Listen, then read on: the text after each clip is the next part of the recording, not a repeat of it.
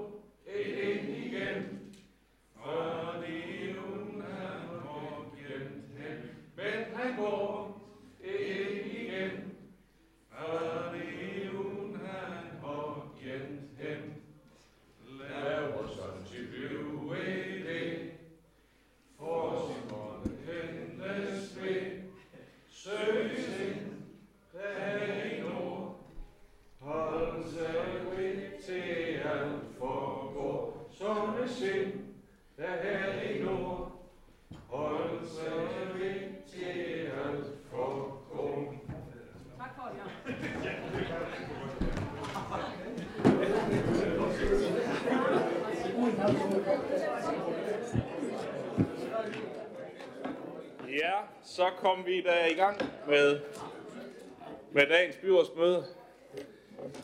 Enkelte havde måske lidt vanskeligheder ved at læse teksten, men, øh, men sådan er det.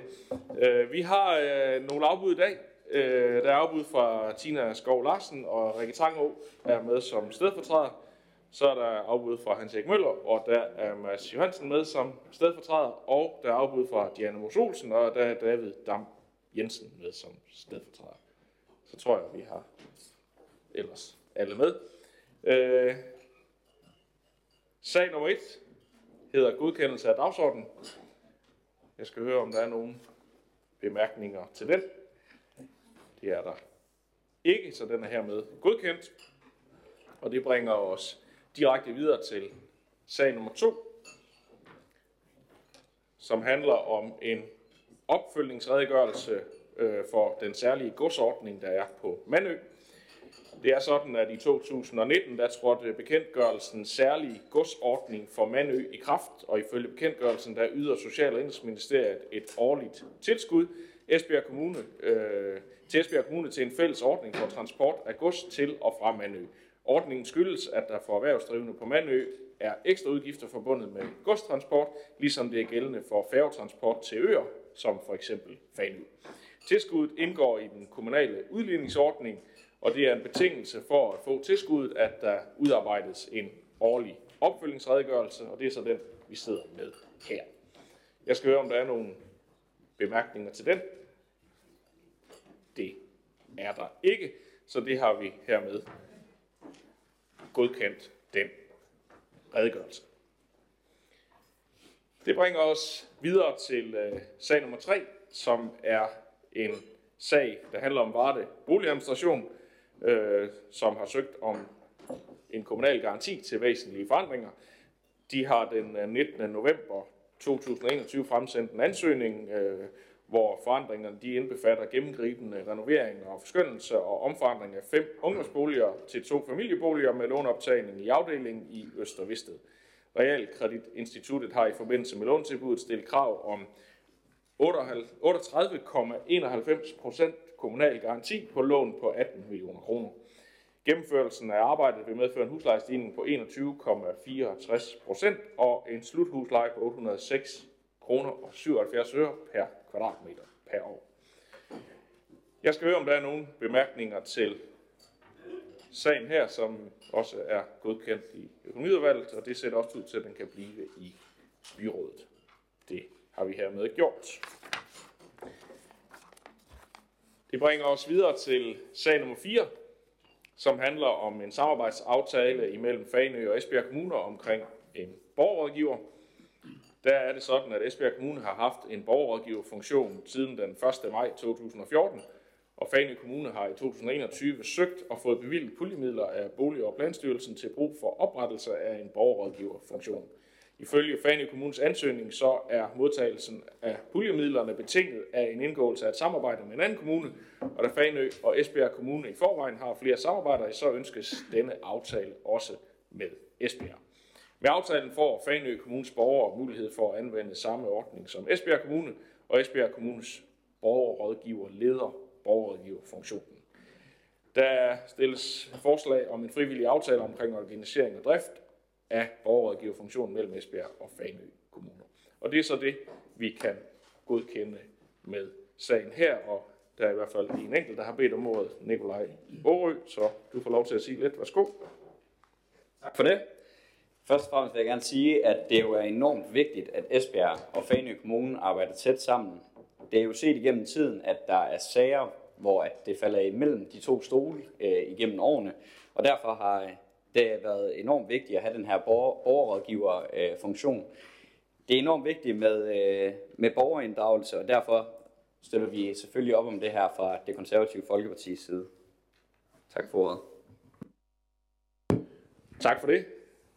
Der er ikke flere på talerlisten, så det ser ud til, at byrådet kan samles om og godkende.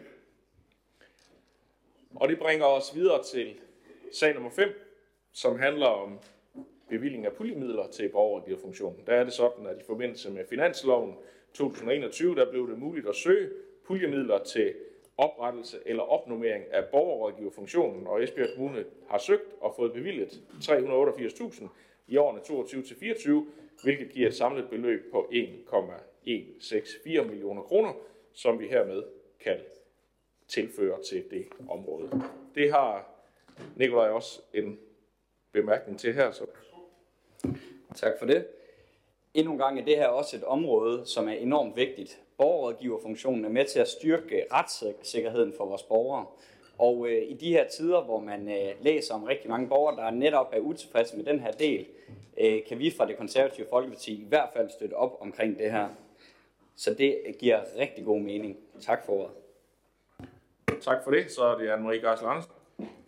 I Radikale Venstre der er vi også glade for, at vi nu får ekstra midler til øh, borgerrådgiverfunktionen. Det har vi længe ønsket.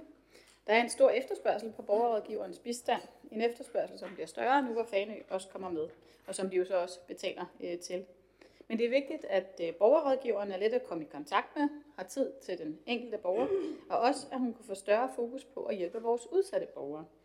Vi finder også hendes bistand til kommunens ansatte øh, væsentlig, i det hun her understøtter en positiv læringskultur øh, til gavn for borgernes retssikkerhed. Ja. Tak for det. Og med de bemærkninger ser det ud til, at vi også her kan godkende det i enighed. Det bringer os videre til øh, sag nummer 6, som handler om frigivelse af anlægsbevillinger til Ribe Aktivitets- og Historiepark. En sag, der har været i flere udvalg, men er samlet til sidst i Kultur- og Fritidsudvalget. Så Jakob Lose, du vil sige lidt til den. Værsgo. Jamen, tak for det. Anlæggelsen af Ribe Aktivitets- og Historiepark, den er i fuld gang, og derfor så er der behov for, at vi frigiver de anlægsbevillinger, som vi tidligere har afsat, og også øvrige nødvendige beløb til projektet. Både borgerne i Esbjerg Kommune og gæster uden bys fra kan se frem til en helt unik park med masser af plads til bevægelse og leg uanset alder. Det bliver populært sagt Danmarks største legeplads, som samtidig fortæller om livet ved Vadehavet og om Ribes spændende historie.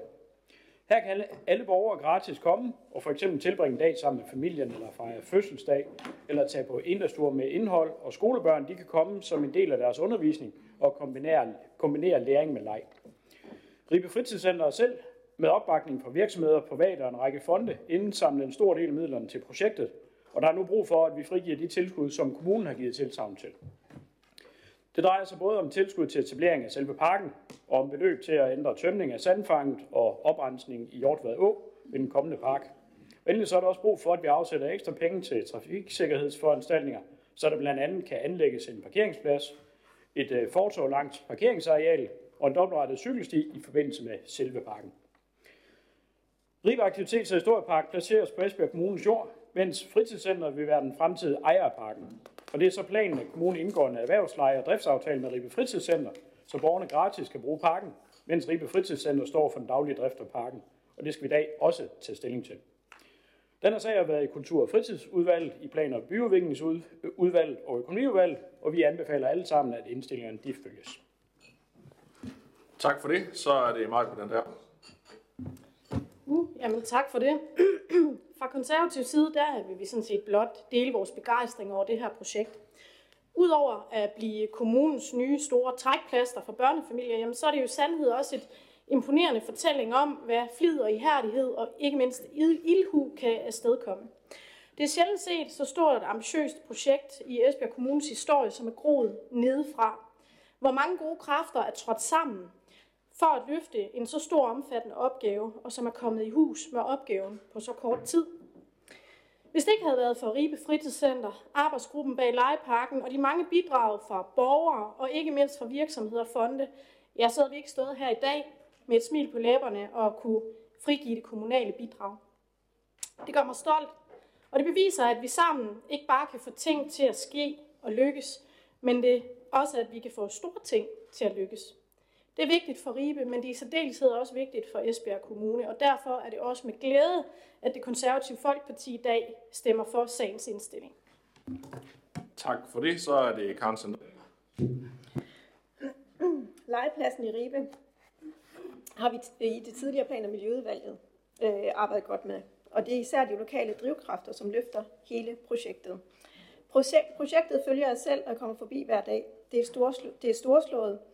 Øh, og det projekt, vi frigiver anlægsmidler til, øh, vil blive et stort øh, trækplaster, præcis som Majbert Andrea nævnte lige før. Det bliver en stor magnet, som mange vil besøge, og vi i Socialdemokratiet ser frem til, at børn, unge og voksne vil være aktive i deres leg i parken. Det er vigtigt for sundheden. Tak for det. Så er det Anne-Marie Græs Larsen. Jamen, jeg har rost projektet så mange gange efterhånden, så jeg vil egentlig bare bakke op om, øh, om det, der allerede er sagt. Og øh, særligt det her med, at, at det er rigtig fedt, synes vi i Radikale Venstre, at der nu kommer noget mere også til børnefamilierne i en by som Ribe. Øhm, og så vil jeg bare spørge udvalgsformanden. Øhm, det er bare for, der står øh, både i sagen, at øh, de, de der midler til trafikforanstaltninger, det er samme beløb, der både står, at de ikke var afsat, og det er en ekstra udgift, og så står der også, at de har været afsat tidligere. Så jeg blev lidt forvirret over det, men er vi enige om, at pengene er fundet, og vi bare øh, udmønter nu? Ja, okay, godt. Tak, ja. Midlerne er bevilget, og de er næsten også brugt, fordi at øh, hvis man kører forbi øh, nede i området, så er legepladsen jo nærmest øh, øh, ved at skyde op af jorden og, og arbejder hen imod en indvielse her senere på foråret. Det er et fantastisk projekt, og det bliver godt for hele kommunen, og øh, jeg vil sige, med de møder, jeg har haft med nogle af de ildsjæle, der står bag det projekt, både da de sådan ligesom kom og præsenterede tankerne, og også her undervejs, øh, det øh, er virkelig imponerende. Øh, også med det store lokale engagement, de er formået, og de har formået at stable på benene. Øh, fordi var det ikke for alle de fonde og, og mange øh, private donationer og virksomheder, der er støttet op, jamen, øh, så havde vi jo slet ikke kunne, haft, øh, kunne have det ambitionsniveau her, som, som øh, vi nu får. Så det er et fantastisk projekt, og det kan vi kun øh, glæde os over. Der er en mere på talelisten, Jørgen Bosen Andersen. Værsgo. Ja, tak. Jamen, jeg er ikke uenig med alle jer, der er positive over for det. Jeg synes, det også er rigtig godt, både for Esbjerg og for Ribe øh, Esbjerg Kommune som helhed. Men en ting, jeg synes, som jeg ikke lige hørte I nævne, det er, jeg synes faktisk, det er rigtig godt, at Ribe de får, øh, de får øh, et tilbud til børnene. Fordi øh, i dag er det jo sådan, at øh, det er meget øh, voksne aktiviteter, der foregår i Ribe. Øh, det er ikke alle børn, der er helt vilde med at komme på museer og alt muligt andet. Og, og, men, men her har vi altså et, et tilbud decideret til børnefamilier. Så det synes jeg faktisk også er et løft, at vi kan tilbyde det i Ribe nu fremover. Yes, tak for det. Der er ikke øh, flere på listen, og det ser ud til, at vi dermed i enighed kan frigive midlerne, så vi kan få, så de kan få betalt regningerne, så at sige. Øh, det er jo nok det, det direkte går til. Det har vi godkendt, og vi springer videre til sag nummer 7, som handler om en endelig lokalplan og kommuneplanændring for et område ved Andrup. En sag, der forelægges af formanden for plan- og byudvikling og byudviklingsudvalget. Så Henning Ravn, værsgo. Ja, det er ved at lande ord, Jesper.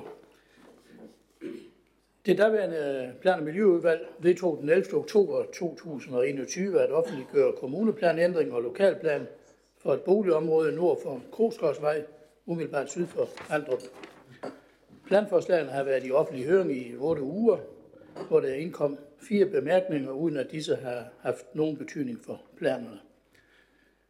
Der har i de seneste år været efterspørgsel på boliger til førstegangskøbere, til enlige forældre samt seniorer, der gerne vil flytte fra deres parcelhus, men også gerne blive i Andrup. Nærværende lokalplan imødekommer denne efterspørgsel ved at gøre det muligt de kommende år at bygge op mod 70 boliger i form af fritstående parcelhuse og tæt lav bebyggelse og rækkehuse. Det nye boligområde kommer til at ligge i grønne omgivelser med let adgang til skole, skov og rekreative aktiviteter. Plan- og byudviklingsudvalget og økonomiudvalget indstiller til byrådet, at plangrundlaget vedtages endeligt. Tak. Tak for det. Der er ikke umiddelbart flere, der har markeret til den her sag, så øh, det ser ud til, at den kan vi også vedtage i enighed. Det går jo godt i dag. Nu må vi se, om det fortsætter resten af mødet. Men i hvert fald øh, får vi godkendt sag nummer 7, og det bringer os videre til sag nummer 8, som øh, er en sag, øh, helhedsplan for et område ved Borgergade i Esbjerg.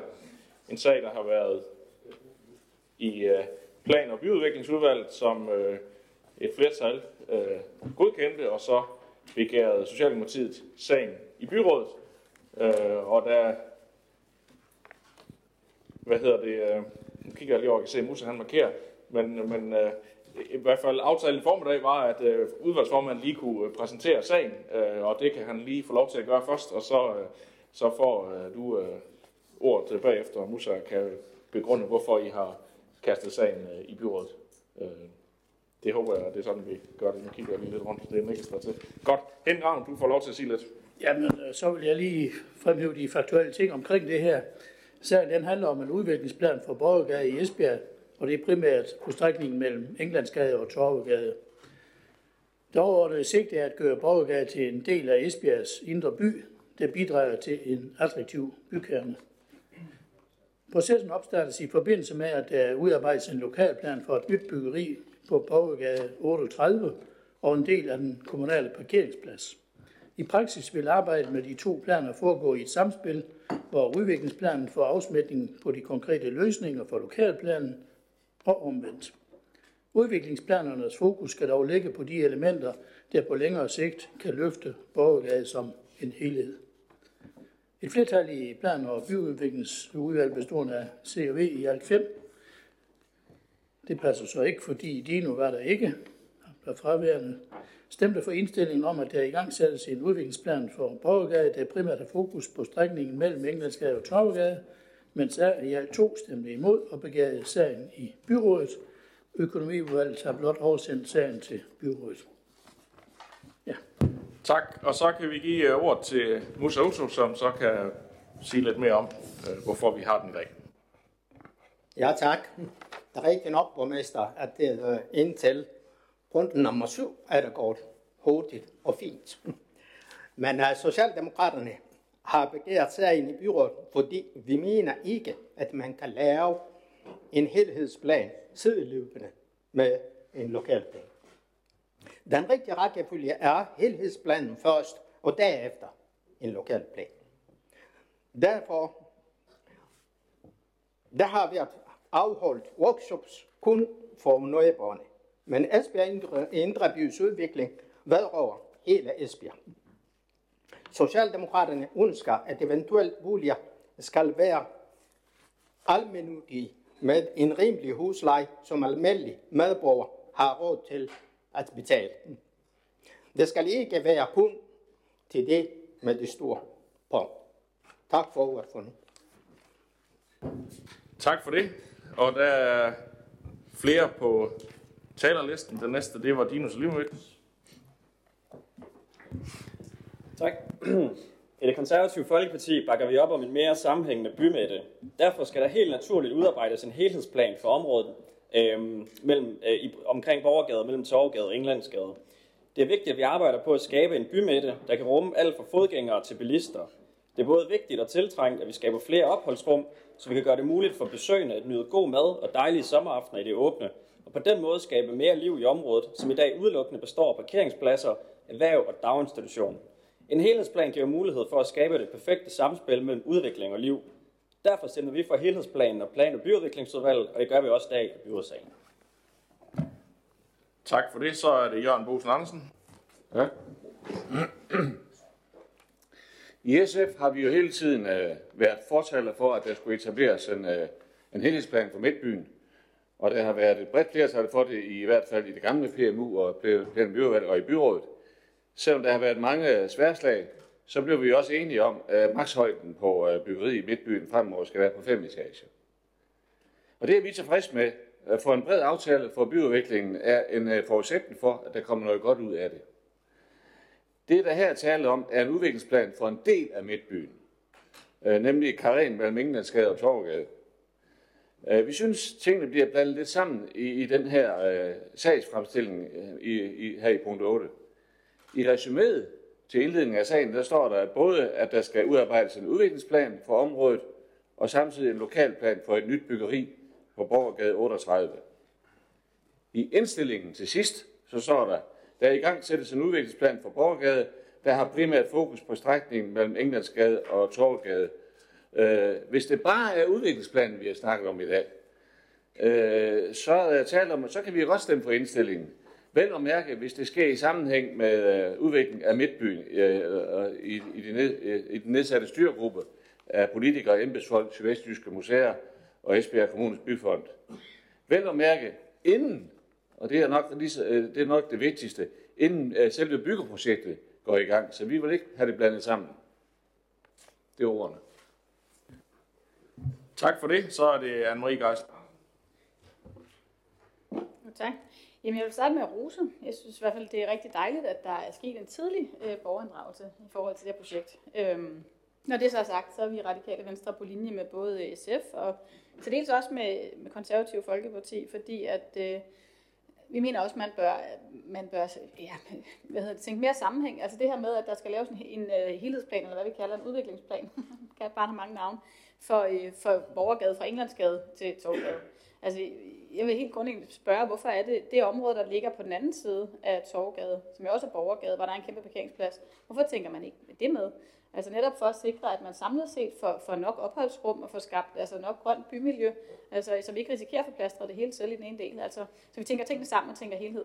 Det synes jeg i hvert fald er første skridt. Og så vil jeg spørge, nu er udvalgsformanden her for børn og familie desværre ikke, men man nævner et sted, det er borgerne, der nævner det under det der borgermøde, at øh, det er så dejligt i Midtbyen, der er en masse gode ting med kultur og så videre, der er også en børnehave. Men mig bekendt, så er den børnehave rimelig, øh, altså der er ikke, vi mangler kapacitet, mangler plads. Og vi talte om det sidst, da vi havde den her på, at man taler om, at man kunne udvide børnehaven. Jeg kan slet ikke se det tænkt med i det her, og jeg tænker bare, at hvis vi skal have endnu flere boliger i Midtbyen, noget af det, de efterspørger børnefamilierne, det er altså, at man kan få passet sit børn, ikke 15 km fra, hvor man bor, men i nærområdet. Og det er også noget af det, der kan være med til at skabe liv i en by med det.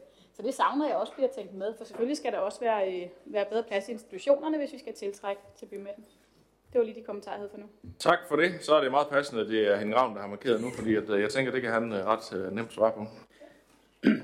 Den her mulighed, den her unikke mulighed, vil jeg endda kalde det, for at få gjort noget ved øh, som i mine øjne er både trist og nedslidt, den opstår jo rent faktisk, fordi der er et ønske om at lave et byggeri i, på hjørnet af Torvegade og Englandsgade, som strækker sig lidt længere hen. Det kommer vi til i den næste sag. I den her forbindelse så øh, har vi fået en mulighed for at lave en plan, en dynamisk udviklingsplan, vil jeg kalde det, fordi der er jo ikke noget, der ligger fast. Men hensigten med det her er, at vi på en del af det parkeringsområde hernede skal have nogle opholdsrum, nogle byrum, hvor folk de kan opholde sig i. Meningen er jo, når vi kommer til næste sag, vil vi blive præsenteret for noget underjordisk parkering. Dermed kan man jo så frigøre noget areal op ovenpå, og der ligger også i den næste sag op til et, øh, et madskifte, hvor vi afgiver noget af en parkeringsplads mod til gengæld, hvor erhverv den bygning, der ligger i den anden ende, som støder op til børnehaven. Og det giver os jo så nogle muligheder for børnehaveudvidelser, måske legeplads.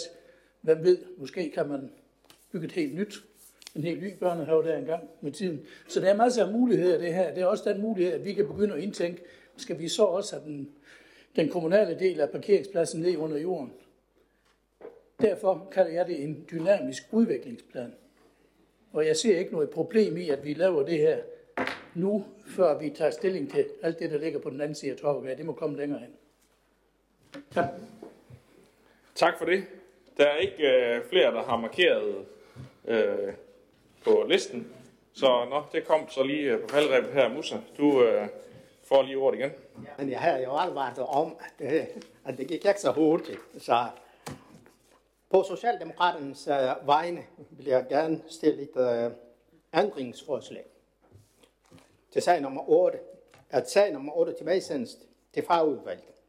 Der arbejdes i en udviklingsplan for en del af Borgergade i Esbjerg. Udviklingsplanen skal ikke udarbejdes sideløbende med lokalplan. Når udviklingsplanen er udarbejdet, kan der udarbejdes lokalplan ud fra udviklingsplanen. I forbindelse med udarbejdelse af udviklingsplan øh, skal der tages hensyn til beslutning. Øh, den nye branche, øh, brandingsstrategi for Esbjerg by.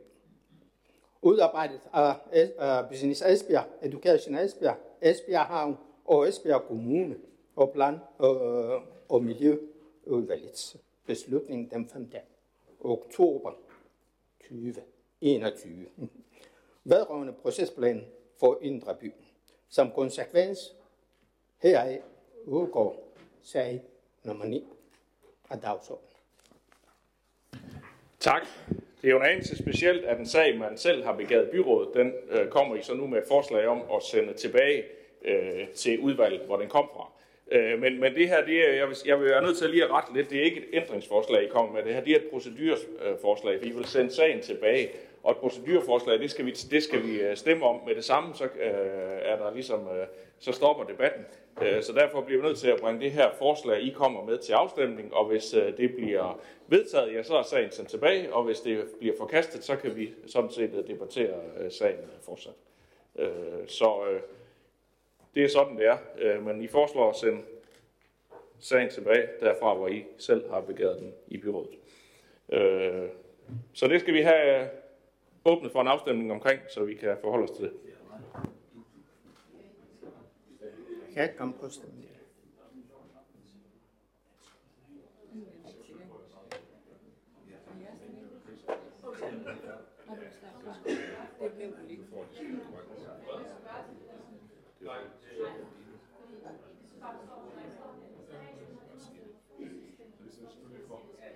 Jesper, jeg kan ikke stemme. Men jeg kan heller ikke. Så, så giv en finger op eller ned, han har sagt, at Ja, nok. Grøn. Grøn.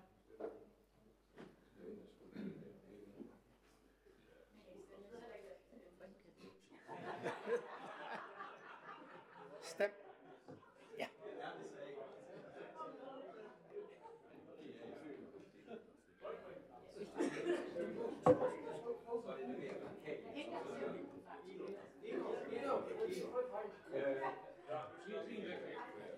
Jeg stemmer, jeg stemmer for forslaget. Så fik vi alle 31 stemmer registreret. Der var øh, 12, der stemte for, 1, der stemte gul, og 18, der stemte imod, og dermed kan behandlingen af sagen øh, fortsætte. Øh, og øh, den næste, der havde markeret på listen her, det var Jørgen Bosen Andersen. Så Jørgen, hvis du er klar, så kan du øh, få lov til at sige lidt. Jamen, øh, ja, det er sådan set, at nu er der afstemning, har jeg været der nu. Så, men det jeg kan sige, det er, at øh, Henning Ravn, du siger en uh, dynamisk plan. Og grunden til, at vi synes, at øh, den er måske lige dynamisk nok, kan man sige, godt, for, som vi lige har stemt om her, så, så ville vi jo godt have haft det adskilt lidt. Sådan så, at man har lavet udviklingsplanen først, og så, øh, og så øh, det andet bagefter, så man ikke blander tingene sammen. Så det er sådan set min begrundelse for at, at stemme for sammen med Socialdemokraterne, at øh, vi godt vil have sagen tilbage og behandles i fagudvalget. Tak, så er det Anne-Marie. Ja, det var faktisk lige præcis det, der gjorde, at jeg som gul var lidt i tvivl om det, fordi at der, jeg kan godt se, at der står jo i sagen, det her med lokalplan skal udarbejdes sideløbende, men det står bare ikke ned i indstillingen, og det er jo den næste sag, vi har på, og derfor er jeg meget i tvivl om det her procedure, hvad, hvad forskel det så egentlig gør. Altså, fordi her, der går jeg ud fra, at hvis man sætter gang i sådan en, en uh, helhedsplan, udviklingsplan, så, uh, så ryger den vel også tilbage til udvalget, uh, og så skal der sættes gang i planen. Så er vi ikke enige om, hvis vi stemmer for den her sag, så indebærer det ikke, at der skal laves en lokalplan sideløbende. Det kommer i næste sag, ikke? Det vil jeg bare gerne have helt. Ja, det er helt rigtigt. Øh, hvis, vi, hvis sagen her bliver godkendt, så går øh, arbejdet med helhedsplanen i gang med det samme. Øh, det forslag, som vi forkastede, der ville den jo først skulle til behandling i Mm. fagudvalget igen, inden man kunne forholde sig til, hvad man så skulle. Det var jo der, den havde været, og et flertal havde sagt ja til at sætte arbejdet i gang. Godt. Øh, den næste på listen, det er Ulla Kohlmann Meier. Ja, tak. Jamen, øh, min bevægelsesgrund til at tage ordet, det er også fordi, at der bliver nævnt, at øh, der skal være en dynamisk udvikling. Det synes jeg er meget spændende, fordi netop det med en dynamisk udvikling, er det ikke, at det, betyder, at der er ingen, der ved, hvad der sker. Og det synes jeg ikke er godt i en politisk ledet organisation. Jeg synes, det er vigtigt, at vi stemmer for noget, vi ved, hvad der skal ske. Der skal måske være en børnehave, eller måske skal der ikke være en børnehave, måske skal der være noget helt andet. Og måske laver vi, altså, jeg synes i hvert fald, det er meget uigennemsigtigt, hvad det er, der kommer til at ske. Og det er på for en ledning af det, du sagde, Henning. Tak for. Tak. Jeg skulle lige til at sige, at der ikke var flere, men så kom der lige en enkelt. Øh, det her er jo en helhedsplan, som, som i, i sagens natur ikke er udarbejdet endnu, men hvis øh, der ellers er øh, et flertal for det, så går den øh, plan jo i gang. Og så vil man jo, når den plan er udarbejdet, kunne se, hvilke tanker der er. Men en helhedsplan kan jo aldrig, uanset i hvilken sammenhæng den er lavet, være fuldstændig bindende for noget som helst. Det er nogle visioner, det er nogle idéer, det er nogle tanker om, hvad kan der ske i et område. De planer, der binder noget, det er jo en kommuneplan og en lokalplan, og det er så dem, man forholder sig til sådan helt overordnet. Så Det er dem, øh, man styrer øh, alt øh, sådan noget fysisk udvikling efter i dette land. Det andet her, det er jo redskaber til at få nogle gode idéer ført til papir, så man har nogle sigtelinjer at arbejde efter. Så jeg håber, det kunne præcisere en lille smule, hvad det er, det handler om. Der er to mere på listen, og den næste er Anne-Marie. Jamen det er bare udover at få at vide, at den var dynamisk, og det kan man jo lægge meget i, så, så bliver jeg ikke helt øh, klar på, hvad det andet område i Borgergade, der skal jo også ske noget. Og som jeg husker det, så er det jo også, der er jo heller ikke lavet lokalplan for det område. Det er jo sådan et af de områder, der er taget ud. Hvorfor er det, man ikke kan tænke det med her? Kan man ikke det? Det er det, der er mit spørgsmål. Yes, øh, vi tager lige Nikolaj Aarø med ind øh, først. Ja, tak for det. Jeg har egentlig et spørgsmål til Socialdemokratiet, der kunne være ret interessant at få svar på. Øh, jeg har tænkt lidt, øh, den sag her, den har jo været lidt prekær. Der har været rigtig meget debat om den, også i medierne. Og jeg vil egentlig gerne have svar på, om I vil have ageret, øh, som I har gjort i dag, hvis det havde været fagbevægelsens hovedorganisation, der har stået bag ved projektet i Borgergade.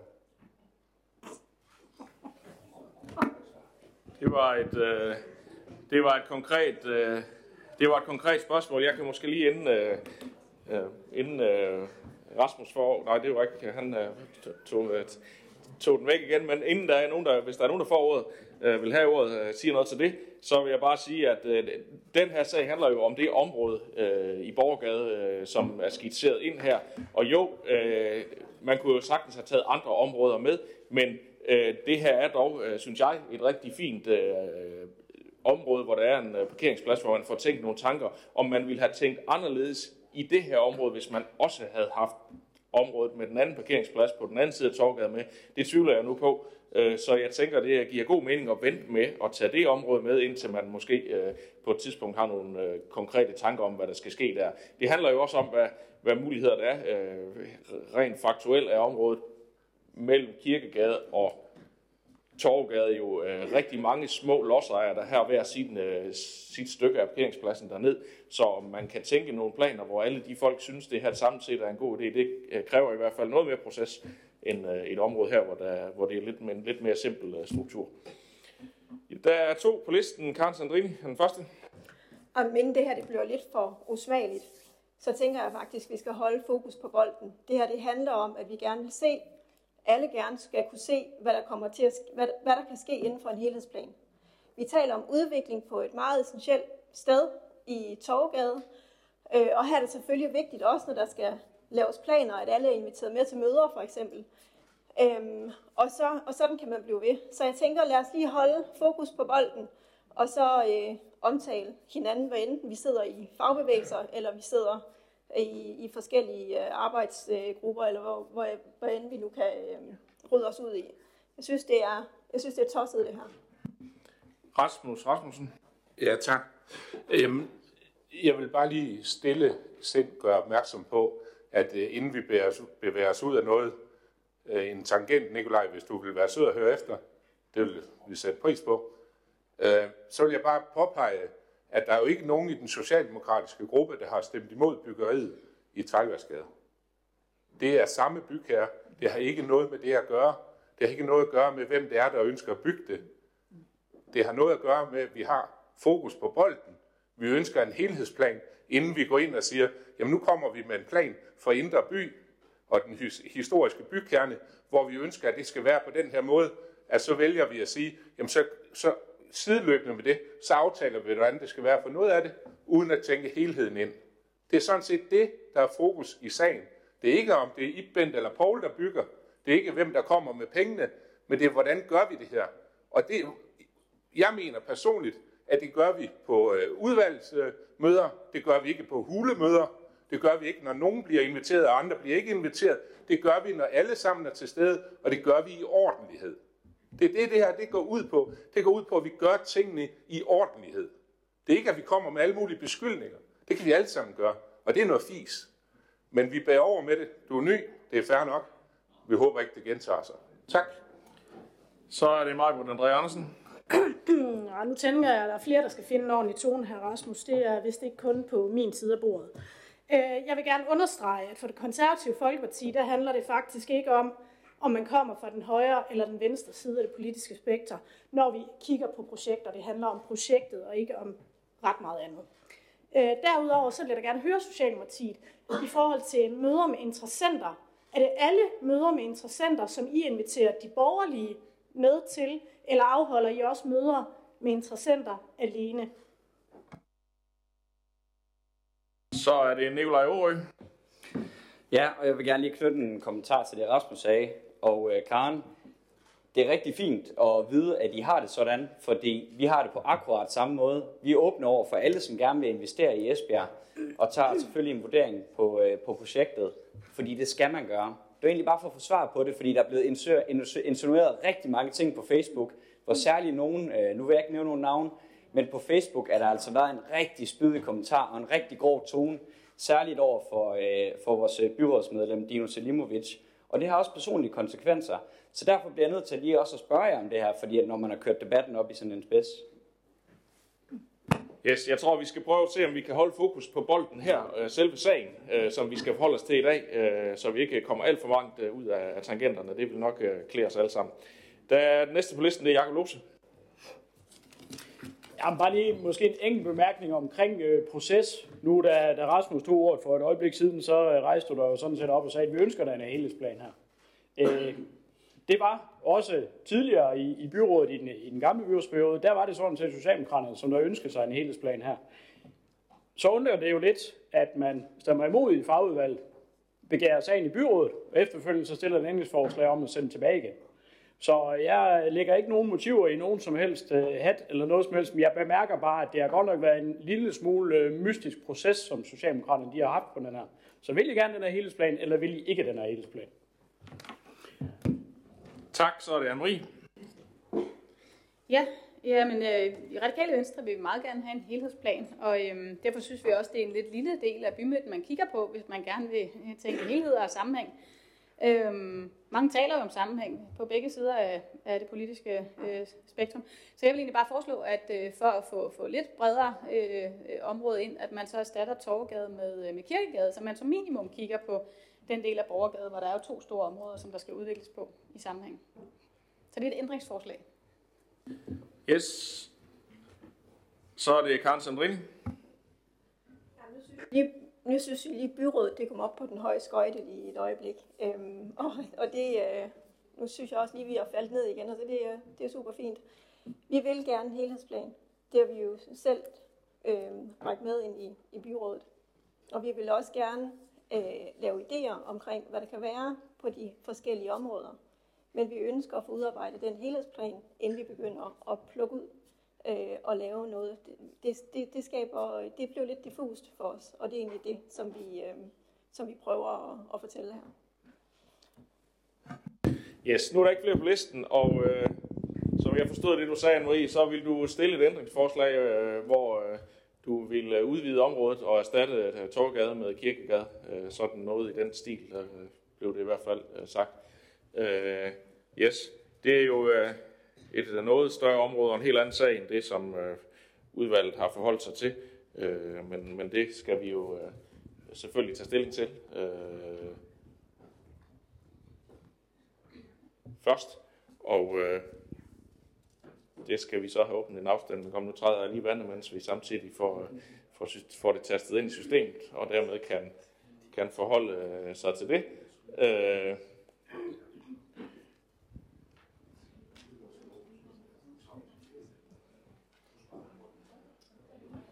og det øh, kan der stemmes om her. Og det er jo altid spændende, når der sådan kommer forslag undervejs i mødet, og man ikke har tid til at holde øh, et, øh, et gruppemøde om det. Ja, om jeg kan kun præsentere det på sådan som, øh, at, øh, at, at Anne-Marie foreslår, at vi erstatter Torgade med Kirkegade. Det betyder så, at, at, at området bliver større, men, men, men, men hvad det ellers indebærer, det, det er der jo ikke nogen, der kan svare på.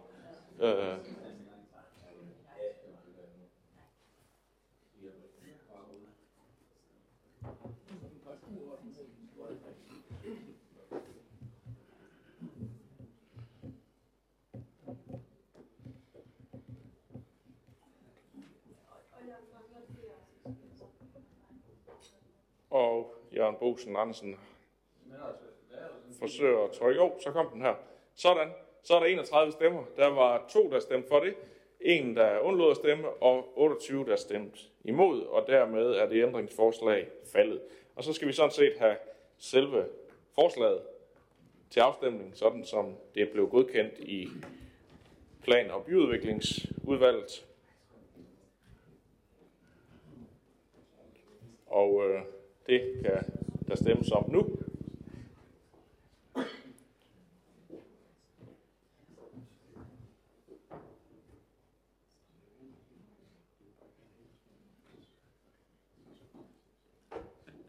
Og nu mangler vi så lige en enkelt.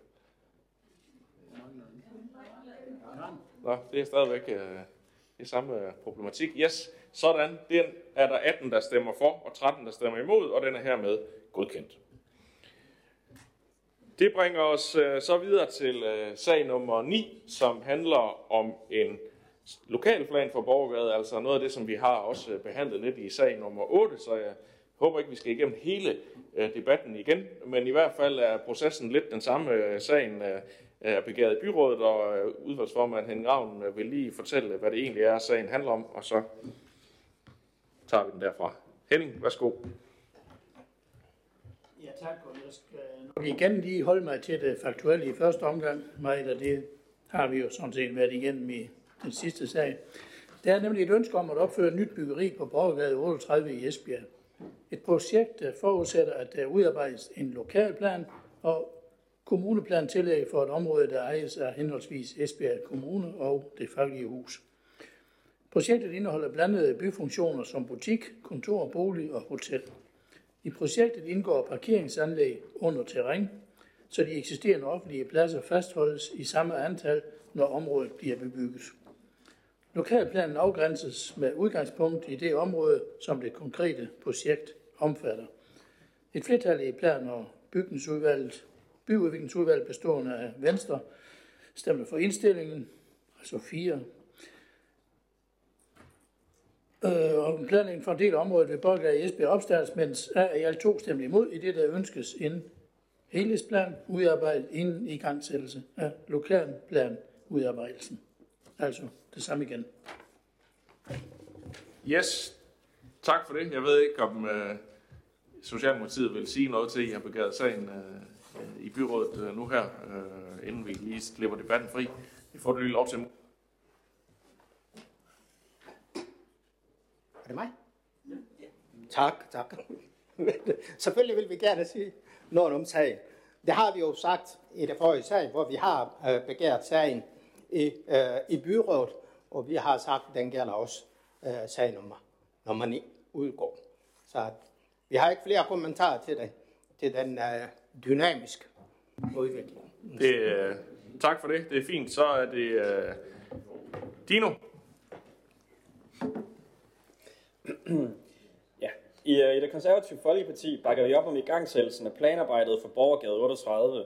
I modsætning til de socialdemokratiske medlemmer af Plan- og Byudviklingsudvalget, mener vi, at det er vigtigt at sikre en kontinuerlig udvikling af Esbjerg by, hvor fokus må og skal være på, hvad der bygges, frem for hvem der bygger. Dette projekt indeholder blandt andet en planudvikling, der kan gøre det muligt for en international hotelkæde at placere sig i Esbjerg. Det vil øge overnatningskapaciteten til gavn for turismen, erhvervslivet og ikke mindst ruste Esbjerg endnu bedre til at huse store landsdækkende og internationale begivenheder. Vi mener ikke, der er nogen tid til at spille, eller tid at spille, og, vi, øh, og at vi er respekt for investorerne bag projektet, men også i Esbjerg Kommunes interesse, sagtens kan i gang sætte udarbejdelsen af lokalplan, samtidig med, at der udarbejdes en helhedsplan for Borgergade mellem Torvgade og Englandsgade. Vi mener, det vil være at slå to fluer med et smæk, hvilket vi i det konservative Folkeparti naturligvis bakker op om. Tak for det. Så er det Sabrina Bæk. I Nye Borgerlige er vi rigtig glade for, at det er attraktivt at udvikle Esbjerg bymidte. Øh, noget af det, der kendetegner Esbjerg by, det er, at der er plads til alle borgere, der bor bosiddende inde i Indre By. Også at udviklingen for byen øh, skal ske med omtanke for vores borgere. I sagsfremstillingen fremgår det ikke rigtig nogen oplysninger omkring byggeriet øh, i sig selv, udover at der ønskes en lokalplansændring, så der kan bygges hotel, kontor, boliger og butikker i rangbyggeri i op til fem etager. Jeg undrer mig over, at man kan træffe en beslutning med noget så stor betydning for vores by på et så mangelfuldt grundlag. Øh, hvordan skal byggeriets øh, arkitektoniske karakter se ud i vores bybillede? Hvordan tilgodeses de beboere, som i dag kører via Borgergades parkeringsplads ind i deres egen carport? Hvordan tages der hensyn til miljøet, vores målsætning om en CO2-neutral kommune og behovet for opholdsarealer for de kommende beboere? Herudover stiller vi i Nye Borgerlige et ultimativt krav om, at der ikke lempes på P-krav øh, for det nye byggeri. Der er i forvejen mangel på parkeringsmuligheder for både beboere og kunder i netop dette område af Indre By. I stedet bør det undersøges, øh, hvordan yderligere parkeringsmuligheder kan tænkes ind i et eventuelt fremadrettet byggeprojekt. Og en opmærksomhed på, hvor mange elladestander, der forventes at installeres et sådan byggeri. Jeg kunne godt tænke mig at vide, hvordan man også øh, har tænkt sig at tage hensyn til vores bevaringsværdige byggerier i området. Jeg har på ingen måde et ønske om, at det igen skal finde sted, at bevaringsværdige byggerier ender med at revne i forbindelse med nedgravning af parkeringspladser. Øhm, så selvom der egentlig kun lægges op til en stillingstagen til, om der skal påbegyndes en kommunalplan og lokalplansændring, så er sagsfremstillingen opstillet på en sådan måde, at jeg bliver tvivl om, hvad jeg egentlig binder mig fast til ved en afstemning. Og det er det her byråkratiske system, som jeg nu er kommet ind i, som vi må se at få løst øh, op på. Det er meget muligt, at vi i Nye Borgerlige faktisk gerne vil stemme for det her endelige projekt, men spørgsmålet er jo så, om det er i overensstemmelse med vores politiske tilgang, måden det opsættes på. Så, så frem der kan gives en lovning på, at øh, Nye Borgerlige ikke sætter sig fast på udformning af byggeriet og en endelig lokalplan, så kan vi naturligvis godt stemme for, at der påbegyndes et arbejde i den retning. Tak for det. Der rejses mange spørgsmål, og det er jo, øh, det er jo øh, lige præcis derfor, at vi tager sådan set øh, generelt stilling til, er det ikke en god idé at sætte gang i et lokalplanarbejde, så man kan få svar på nogle af alle de spørgsmål. Og det er jo sådan set det, øh, hvis ikke vi vil have noget til at ske på det sted, det er der så nogen, der ikke vil, så stemmer man øh, imod. Og hvis man synes, at det kunne være godt at få noget til at ske, og her er skitserne til, hvad det kan være, ja, så sætter man gang i en lokalplanproces, og så kommer det konkrete projekt, og så kan vi jo både stemme for eller imod alle sammen, når det kommer dertil. Og hvis der så er et flertal, ja, så bliver det sendt i høring, og så er der en gang til mulighed for at få indsigelser gjort og man kan forholde sig til det. Så det er sådan set uh, processen frem for at sætte gang i et lokalplan uh, arbejde, øh, som så bliver præsenteret i byrådet. Hvis der så ikke var flertal for at arbejde med det overhovedet, ja, så har man spildt en masse god tid. Her der bliver der ligesom tilkendegivet, at det her vil man, eller det vil man ikke. Uh, der er flere på uh, listen. Jørgen Bosen Andersen er den næste. Ja, tak. Ja, jeg synes, jeg synes det er lidt råd sammen, det her punkt 8 og 9 her. Altså, øh, jeg kan ikke nu har jeg siddet og kigget på det derhjemme og forberedt mig, jeg vil sige. Og, og jeg synes jo nogle gange, ja, det lapper meget over hinanden. Så jeg vil, jeg vil komme til at snakke om noget af det samme, som jeg gjorde i punkt 8. Fordi jeg synes netop, den lokalplan, borgmesteren er inde på der, at øh, den øh, kommer lidt for meget ind over det hele, inden vi faktisk er klar med helhedsplanen. Men øh, hør nu, hvad jeg har at sige her, for det er slet ikke så dumt da. Vi er ikke klar i SF øh, til det her. Vi mener, at man i første omgang skal koncentrere sig om helhedsplanen for hele Midtbyen og udviklingsplanen øh, i Borgade. Styrgruppen af politikere og embedsfolk, dem har jeg talt om tidligere, og Sydvestjyske Museer og Esbjerg Kommunes Byfond skal først i arbejdstøjet. Her skal der sættes fokus på, hvordan vi får de flere grønne områder ind i byen.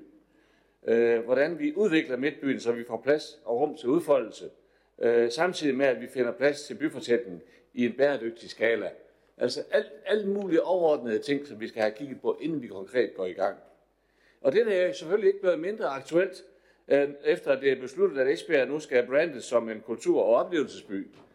Det siger sig selv, at øh, skal vi leve op til det, så kræver det nytænkning, også i byplanudviklingen. Så det skal vi i gang med hurtigst muligt.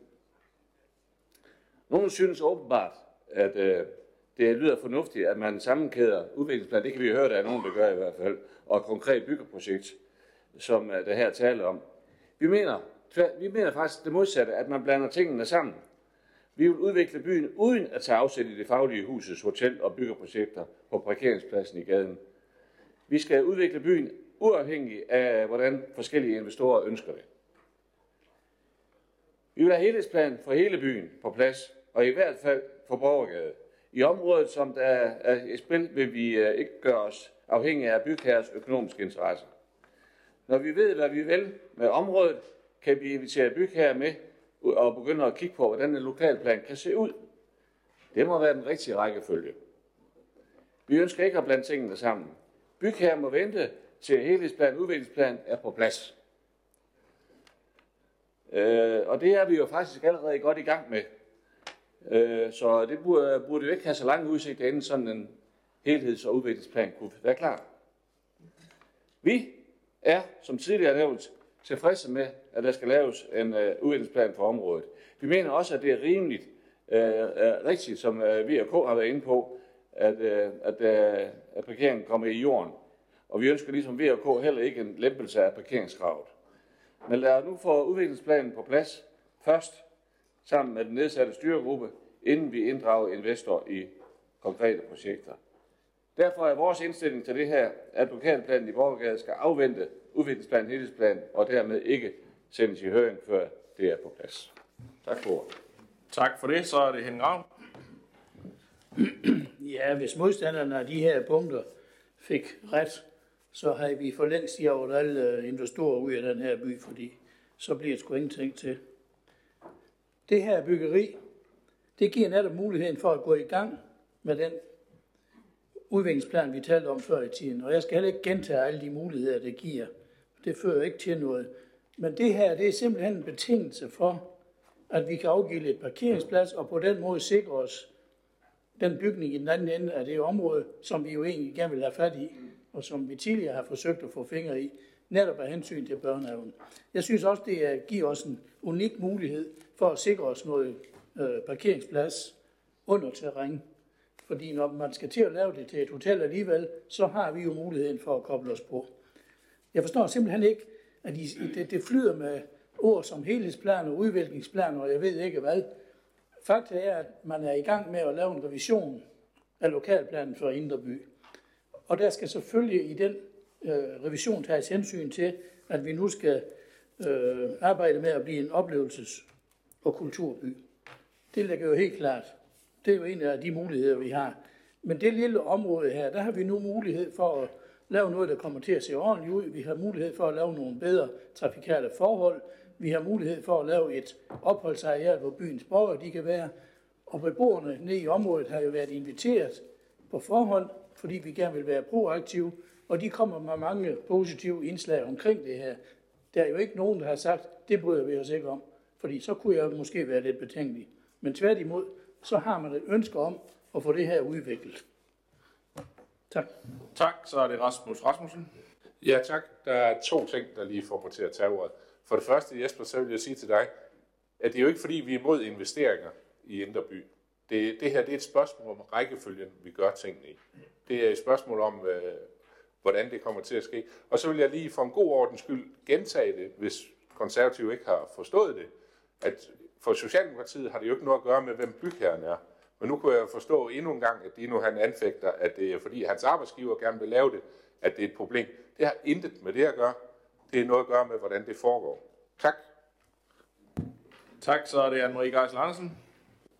Jamen, jeg gør det ganske kort. Meget på linje med, øh, med det, som øh, ikke mindst Jørgen Bosen siger, at selvfølgelig så bør sådan en lokalplan afvente, øh, at udviklingsplanen er udarbejdet. Yes, vi bliver nok ikke øh, helt uh, enige om, øh, om det her, men, men jeg, jeg er alligevel nødt til bare lige at, at highlighte et af de uh, ting, Jørgen Bosen sagde. Jeg tror faktisk, du startede med at sige, at vi skulle lytte, fordi der kom nogle fornuftige ting.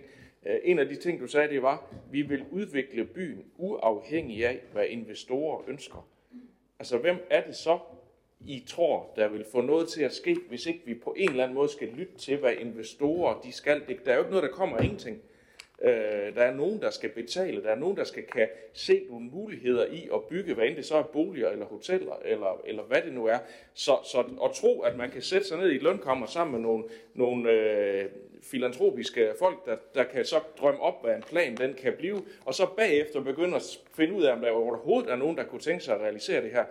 Det er simpelthen bare en forkert måde at gøre det på. Vi bliver nødt til at have folk med i dialogen, så vi også ser, at der rent faktisk er noget, der kan realiseres. Og ja, så skal det jo selvfølgelig ikke være alene, øh, øh, hvad hedder det, investorer, der bestemmer, hvad der skal ske. Det er jo os, der siger ja eller nej, men det hjælper ikke noget, at vi kommer med en plan, som ingen kan få til at blive til virkelighed. Så er den jo ikke mere værd end det papir, der er skrevet på. Nå, det var lige øh, et par bemærkninger til det. Sabrina har bedt om ordet. Værsgo. Jamen, som du kan sige det her, borgmester, du øh, fik jo meget af det med. Øh, jeg undrer mig bare over, at vi taler så meget ind i en helhedsplan, man ønsker skulle ligge der forud for en lokalplanændring. Nu har jeg været bussiddende derinde i 8 år, flyttet derfra for to år siden. Der er ikke sket en disse i al den tid, jeg har boet derinde, til trods for, at mere end to store byggerier er blevet bygget inden for den periode. Så hvis man i realiteten havde ønsket sig en helhedsplan, hvorfor er det så først nu, hvor en øh, bygherre kommer og faktisk har et reelt ønske for at udvikle vores by i en rigtig positiv retning, at man så kommer med den her idé? Det er mit spørgsmål. Tak for det. Så er det Jørgen Bosen. Tak. Nu er det jo ikke noget, der har stået på, på dagsordenen i 100 år, at vi skulle have en helhedsplan i uh, Esbjerg by, eller en udviklingsplan, eller tegne nogle streger på, hvordan vi vil gerne have, at byen skal udvikle sig. Det er faktisk noget, der er ret nyt, at vi er blevet enige om her i byrådet, at det vil vi gøre. Derfor er jeg også meget overrasket over, at, at man tolker det som om, at, at, øh, at, at, at det skal være en bremse for, øh, for investorerne, de får lyst til at bygge her. Det er bestemt ikke det, vi mener. Men vi mener bare, at vi er nødt til at tegne stregerne for, hvordan byen skal udvikle sig, inden investorerne kommer ind med deres store projekter og hvad de gerne vil i gang i. Det er da prisværdigt, at der er nogen, der vil bygge, og det er vi da glade ved. Men det er, der, det er vel rimeligt nok, at vi selv, øh, øh, når vi nu har sat det i værk, at vi selv sætter nogle streger i, hvordan vi vil have byen skal udvikle sig. Hvad, hvad skulle vi ellers bruge den øh, styregruppe, der var nedsat? Det aftalte vi også før jul, at der var, der var en styregruppe, som skulle øh, være med til at og, og, og, og, og, og, og komme med deres besøg i, hvordan en helhedsplan kunne se ud. Jeg synes, det er den bag, øh, bagvendt på den her måde, at vi bare bum, bum, bum går i gang, i stedet for at sætte os ned og, og få det velovervejet, og hvordan vi egentlig vil have byen skal udvikle sig. Det tror jeg bestemt også er nødvendigt, når vi øh, øh, skal have byen brandet som kultur- og oplevelsesby. Så er det vigtigt, at vi får tænkt nogle gode tanker, inden vi bare går i gang. Så er det Anne-Marie Geisel Andersen. Jamen, det var bare lige kort, Jesper, når, når du øh, taler om bygherrerne. Altså, der er jo også nogen, der skal lægge de overordnede linjer, og i min optik, så er det altså politikerne, og det synes jeg, vi bør gøre først. Og det er derfor, vi ikke kan støtte, at vi laver lokalplanen, før vi har lavet udviklingsplanen. Og det er helt fair, at, øh, have det synspunkt, og det er jo også for lige at kommentere på det sidste, som Jan Bosen også siger, der er jo, og Henning nævnte det også en gang med en revision af den lokalplan, der dækker stort set hele Midtbyen, hvor man jo så kommer med nogle øh, input til justeringer af den øh, plan, der er, og det kommer vi jo så til at forholde os til politisk og være med til at lægge øh, linjerne sådan helt generelt. Men jeg tror ikke, vi bliver enige om det her, så vi kan nok lige så godt få den her sag bragt til afstemning, så vi kan finde ud af, om der skal opstartes en, en øh, lokalplan for det her område. Og det er der åbnet for nu.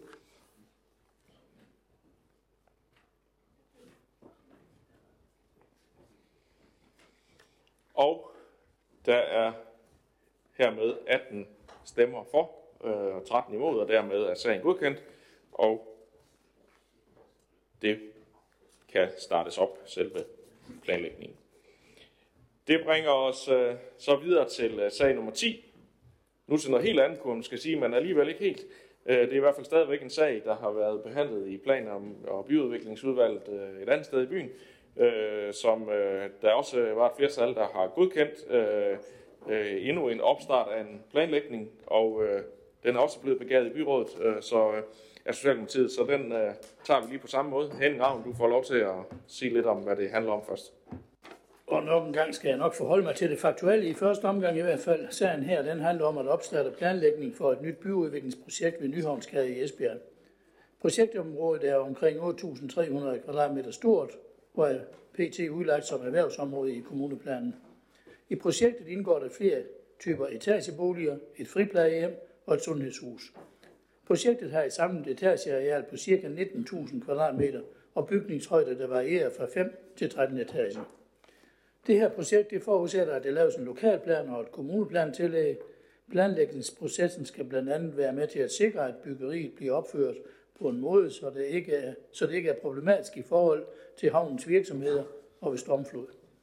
Et flertal i plan- og bygningsudvalget, byudviklingsudvalget bestående af CV i alt 5 stemte for indstillingen om, at planlægningen går i gang hvilket betyder, at der i gang sættes udarbejdelse af forslag til en lokalplan og en kommuneplanændring, mens alt 2 stemte imod, og herefter begavede sagen i byrådet. Økonomiudvalget har alene oversendt sagen til byrådet. Yes, tak for det. Og så kan Musa Uto lige uh, fortælle, hvorfor det er, vi har sagen i dag. Ja, tak. Vi har begæret sagen i byrådet, fordi området er et erhvervsområde. Og vi er bekymrede for støjniveau og oversvømmelse. Det vil også begrænse udvidelsesmuligheder for virksomheder i området. Derfor mener vi ikke, at det skal bygges boliger i det område. Desuden mener vi også, at sagen burde have været til høring i sundhed- og omsorgsudvalget. Tak for ordet. Tak for det. Så er det Olfer Krog. Tak for det. Jamen, jeg kan lige give lidt øh, forhistorie til det så.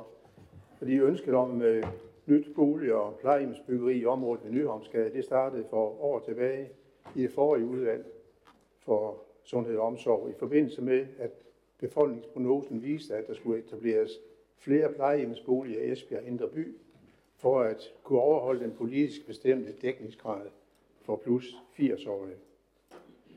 Udvalget kiggede først på Tivoli-grunden som mulighed for et sådan byggeri, men da det viste sig ikke at være muligt, tilbød en privat investor, som ejer nabogrunden over mod Nyhavnsgade, at det kunne være stedet at, at bygge plejehjem, lægehus, seniorboliger og almindelig boligbyggeri. Det blev derfor den 4. 5. 2020 på et udvalgsmøde for Sundhed og Omsorg besluttet, at forvaltningen skulle udarbejde et plan, et forslag til en ny sektorplan sektorplan. Den plan blev på byrådsmødet den 18. i 1. 2021 godkendt. A, F og Ø stemte imod indstillingspunkt 11, som anbefalede, at øh, dialogen med den private investor og muligheden for boliger øh, og plejehjemsboliger ved Nyhavnsgade kunne fortsætte. En vigtig grund til at stemme imod det var, at der var tale om et privat plejehjem. Det er selvfølgelig legitimt, at man er imod øh, private plejehjem, men derfor kan det godt undre, at ingen stemte imod samme indstillingspunkt 14, som gav lov til, at de 63 private plejeboliger, som Dansk Diakonhjem er ved at opføre på Pumegrunden i Storgade i Esbjerg, må medtages i de fremtidige beregninger af dækningsgraden. Det er i øvrigt også øh, Danske Diakonhjem, der ønsker at eje og bygge plejehjem på grundstykket ved Nyhavnsgade. Danske Diakonhjem det er et non-profit øh, organisation, der driver øh, pleje og omsorg med afsæt i det kristne livs- og menneskesyn. Da der ikke foreligger nye oplysninger om ændrede forhold, således at grundlaget for byrådsbeslutningen den 18. i 1. 2021 er ændret, finder jeg det underligt, at Socialdemokratiet kun et år efter ønsker at angribe den beslutning. Tak for det. Jeg er lige knap nok færdig. Undskyld. Jeg troede lige, du var ved at sætte dig ned. Jeg var allerede videre. Undskyld. Det eneste, man kan opnå ved det, er at skabe usikkerhed om byrådsbeslutninger, og derved skræmme investorer væk fra Esbjerg Kommune. Og det har Esbjerg Kommune ikke brug for. Dansk Folkeparti stemmer for planlægning for et nyt område ved Nyhavnsgade opstartes.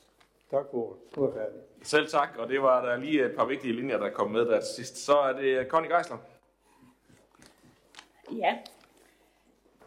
Til samme område, som Musa Utu har fremlagt, har Socialdemokratiet en bekymring over den udvikling, der er i Esbjerg Kommune med private plejehjem. Et, der ønskes bygget faktisk i nabogrunden. Der er en bygherre, der ønsker at bygge et privat plejehjem i Esbjerg Kommune tæt på det område. Og lige nu har vi faktisk Diakonisse Stiftelsens plejehjem, der er ved at blive bygget i Storegade, som Olfert også henviste til. I Socialdemokratiet er vi overbeviste om, at velfærdsopgaver som plejehjem og hjemmepleje bedst udføres af kommunen. Kommunen skal nemlig ikke tjene på opgaverne. Kommunen er driftsikker og går ikke konkurs. Ser vi tilbage, er der faktisk flere private firmaer, der har haft plejehjem og hjemmepleje, og de er gået konkurs. De tjente simpelthen ikke nok på opgaven, og så lukkede de. De drejede nøglen rundt.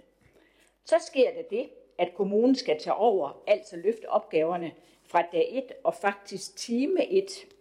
Og det er faktisk både pleje- og ledelsesopgaver. Den ældre kan jo ikke vente med at få hjælp, så det er faktisk omgående, man skal rykke ud. Karen Sandrini og jeg er nye i Sundhed- og Omsorgsudvalget i denne her byrådsperiode, og vi har ønsket at få sektorplan og dækningsgrad på dagsordenen i sundhed og omsorg. Altså antal plejehjem, hvor skal de ligge henne, hvor mange pladser skal der være i forhold til forventet antal af ældre, der har behov for en plejehjemsplads. Vi ved godt, at der ligger en byrådsbeslutning, der er vi blevet belært om, af 18. i 1. 21, hvor sektorplanen blev stemt igennem. Men det kan jo godt være, at det nye byråd deler vores bekymring og også ønsker sikkerhed og tryghed for vores borgere, både ældre og andre, der har brug for hjælp. I januar 2021 stemte 18 for og 13 imod. Der skal jo ikke så mange til før, at vi kan opnå et flertal, så vi ikke får flere private plejehjem i Esbjerg Kommune.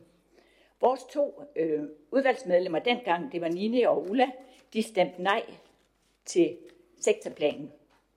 Socialdemokratiet ønsker tryghed for hele kommunens borgere.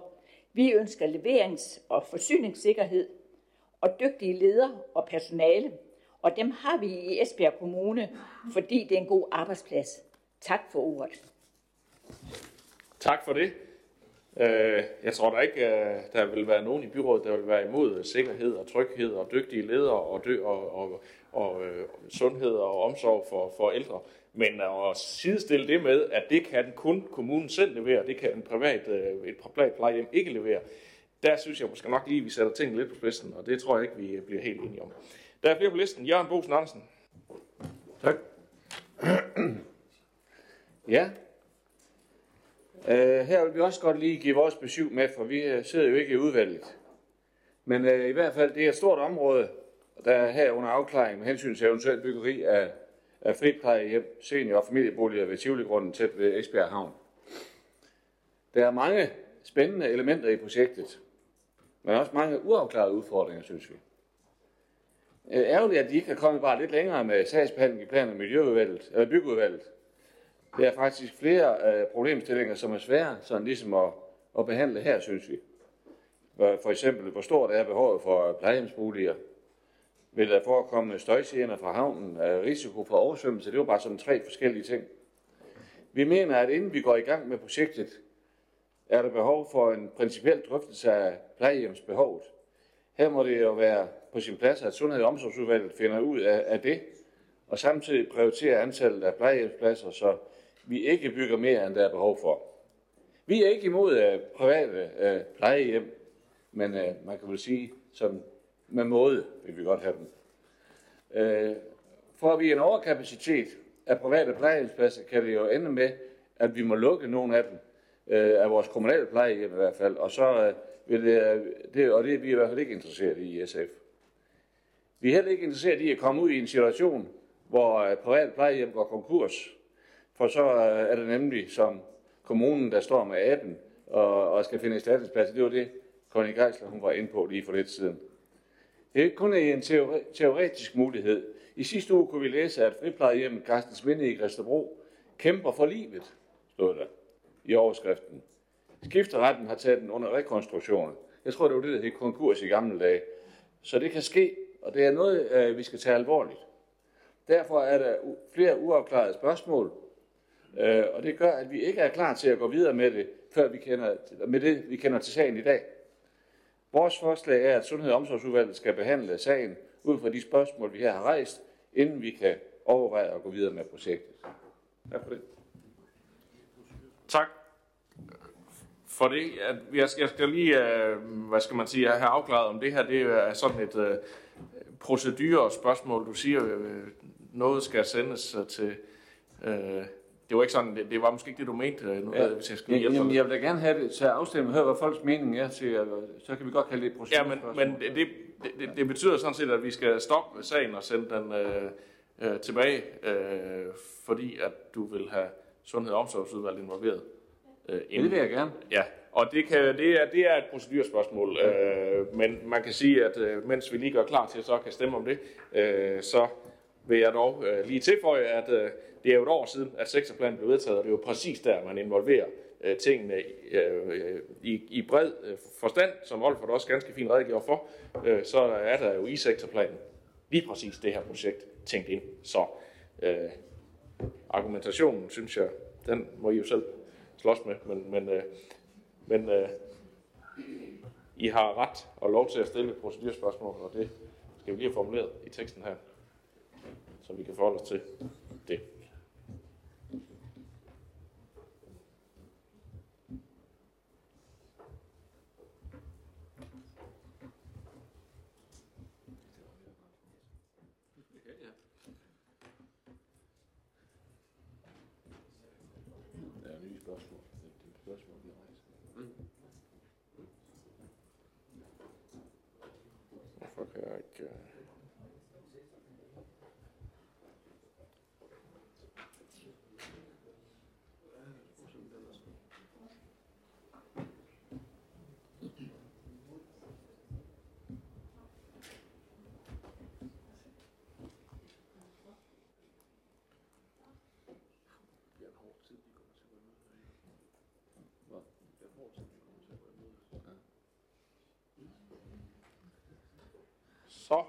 Er der hermed 31 stemmer. Der var 13, der stemte for, og 18, der stemte imod, og dermed er det forslag forkastet.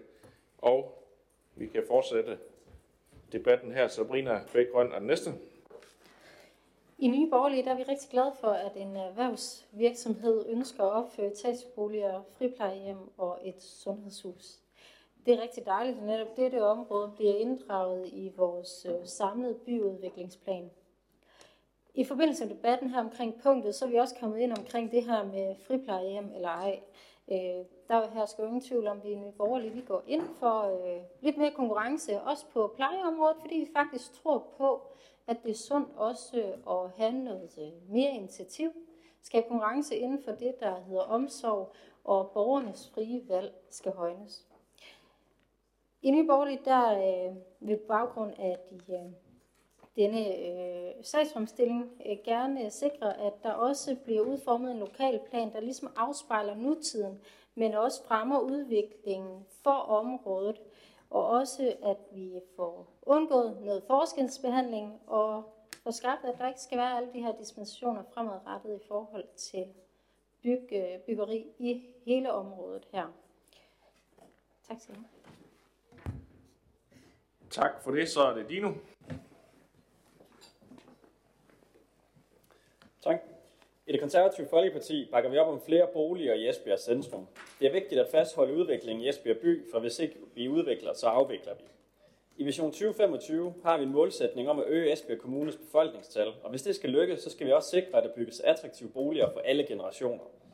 Forvaltningen i Plan- og Byudviklingsvalget har givet udtryk for, at forundersøgelser peger på, at projektet i sin helhed vil kunne leve op til de krav, der stilles for at blive realiseret, hvilket gør, at vi i det konservative Folkeparti bakker op om, at der indstilles til en igangsættelse af projektets planlægning. Tak for det. Så er det Henrik Andersen. Tak for det. En sag, som måske kan have mange interesser, det har vi allerede oplevet her. Men for mig er den at betragte som en plansag, og kun skal behandles som sådan. Området er i dag et blandet, boligområde, et blandet område bestående af både erhverv og boliger, hvor noget ser lidt brugt ud. Enkelte ejendomme står tomme, og tomme bygninger har vi jo i de sidste dage kunnet læse i dagspressen, at de ikke fører noget godt med sig. Så opførelsen af et nyt bolig- og plejehjemsbyggeri på det her areal vil helt sikkert kunne være med til at løfte området, sammen med et paddelcenter, som nærmest er nabo på den gamle Tivoli-grund, så indstillingen kan følges. Tak for det. Henrik Ravn. Det er sjovt nok, den her plansag, den er kommet til at dreje sig om plejehjem frie plejehjem og diakon plejehjem og jeg ved ikke hvad. Vi tager her stilling til en plansag, der giver nogle muligheder for noget etagebyggeri, noget boligbyggeri, et sundhedshus, og det giver også en mulighed for et plejehjem. Det er jo helt okay, at nogen har den holdning, den ideologiske holdning, at man ikke vil have private plejehjem, men kun offentlige plejehjem. Det har I nok en mening om, og vi har måske en anden mening. Men det der med, at vi ved bedst, hvad der er godt for jer, den hopper jeg ikke på. Jeg tror nok, at vores øh, samfund i dag er sådan indrettet, at folk de skal nok selv bestemme, hvor de vil bo henne. Om de vil bo på et, et friplejehjem, eller de vil bo på et kommunalt plejehjem. Og den der med, at så går de konkurs, ah, den er ved at være lidt for tæsket, fordi et lille plejehjem i Christobro måske, måske går hen og lukker. Så tror jeg nok, at vi overlever at finde plads til de 18 øh, mennesker, der bor dernede. Og i øvrigt så tror jeg også godt, at kommunen kan overtage personal, hvis det er det, der kommer an på. Så, så den tror jeg ikke rigtig på. Så er I vel lidt inde på det her med støj. Man har allerede lavet øh, indledende støjberegninger, som er brugt til at vurdere, om det her overhovedet er realistisk. Og der skal selvfølgelig også udarbejdes endelige støjberegninger, der dels lever op til de seneste klagenævnsafgørelser, og dokumenterer, at byggeriet ikke vil påføre havnevirksomheder begrænsninger i forhold til deres nuværende miljøgodkendelser. Der er også taget højde for oversvømmelser osv.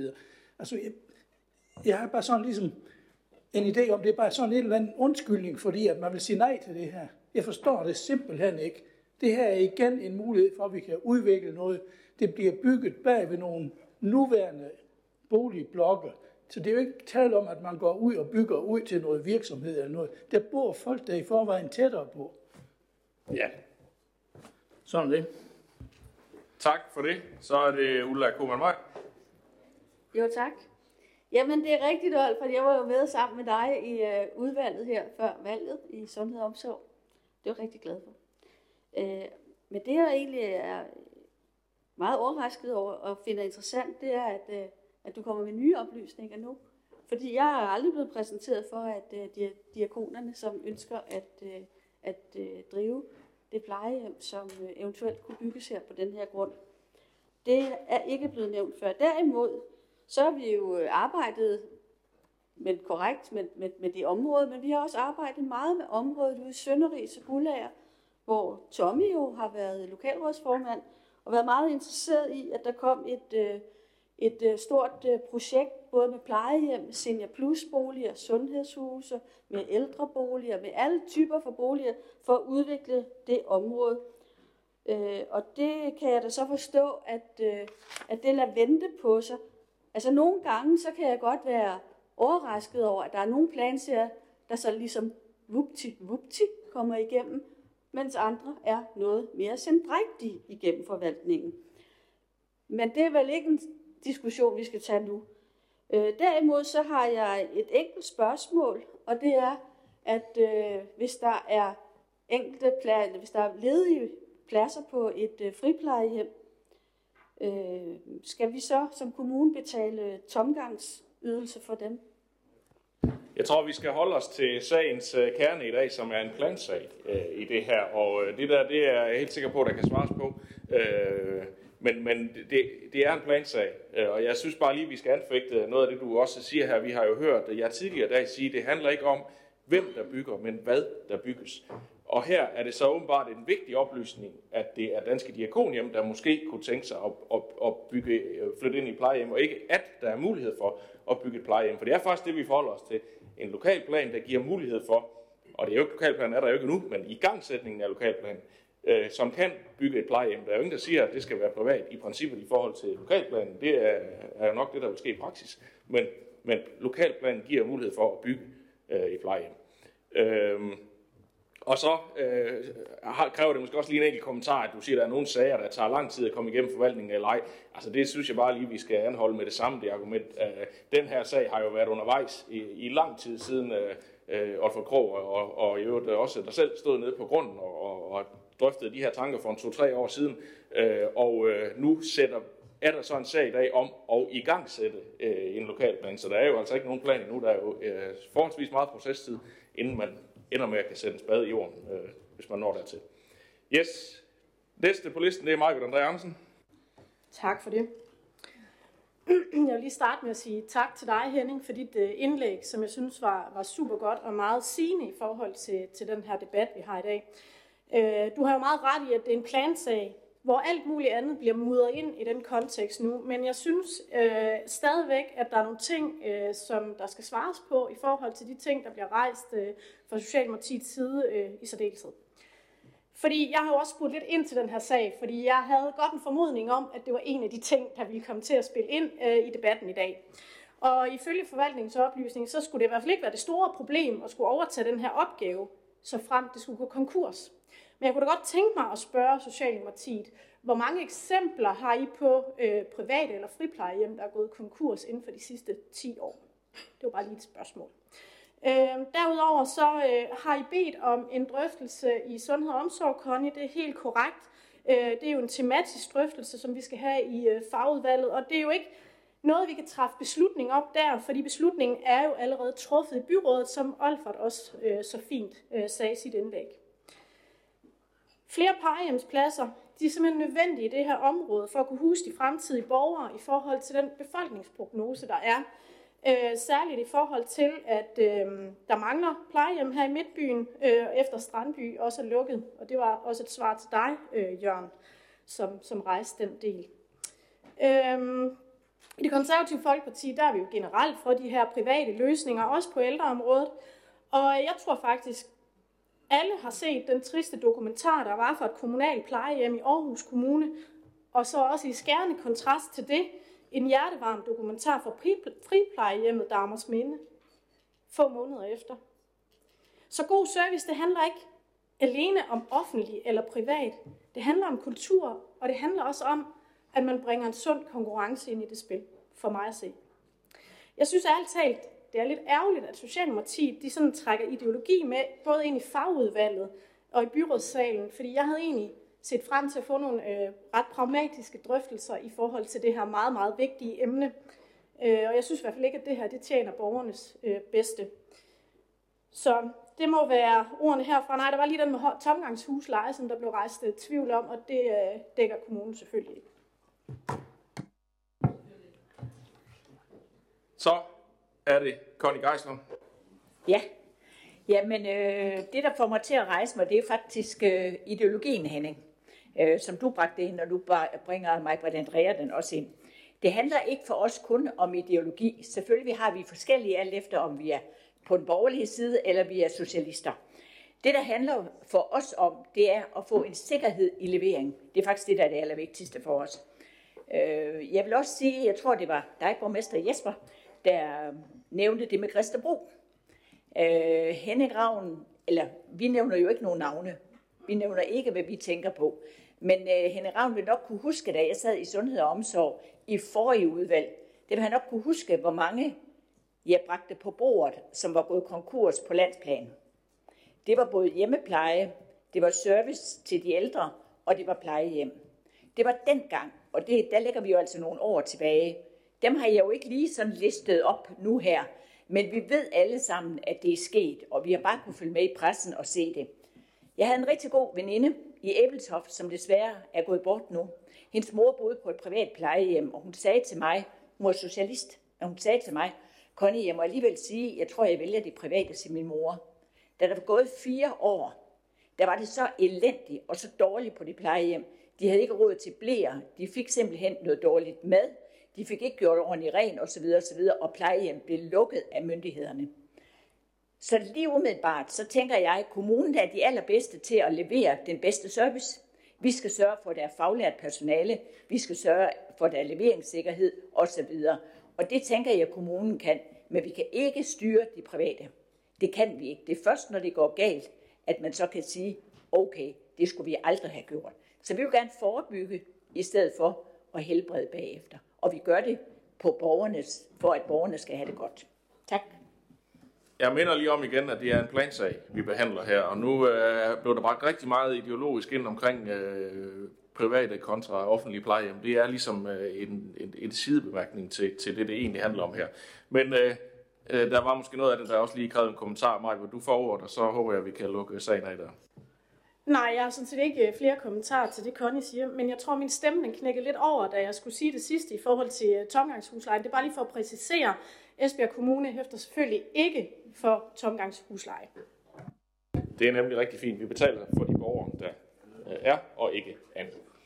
Så øh, der er ikke flere på talelisten, og øh, vi har ikke talt os helt ind på hinanden, som alle sammen lyder det til, så jeg tænker, vi er nødt til at have sagen bragt til afstemning, så vi kan finde ud af, om vi skal i gang sætte en øh, lokalplan øh, for det her område, som et flertal i plan- og byudviklingsudvalget ønskede.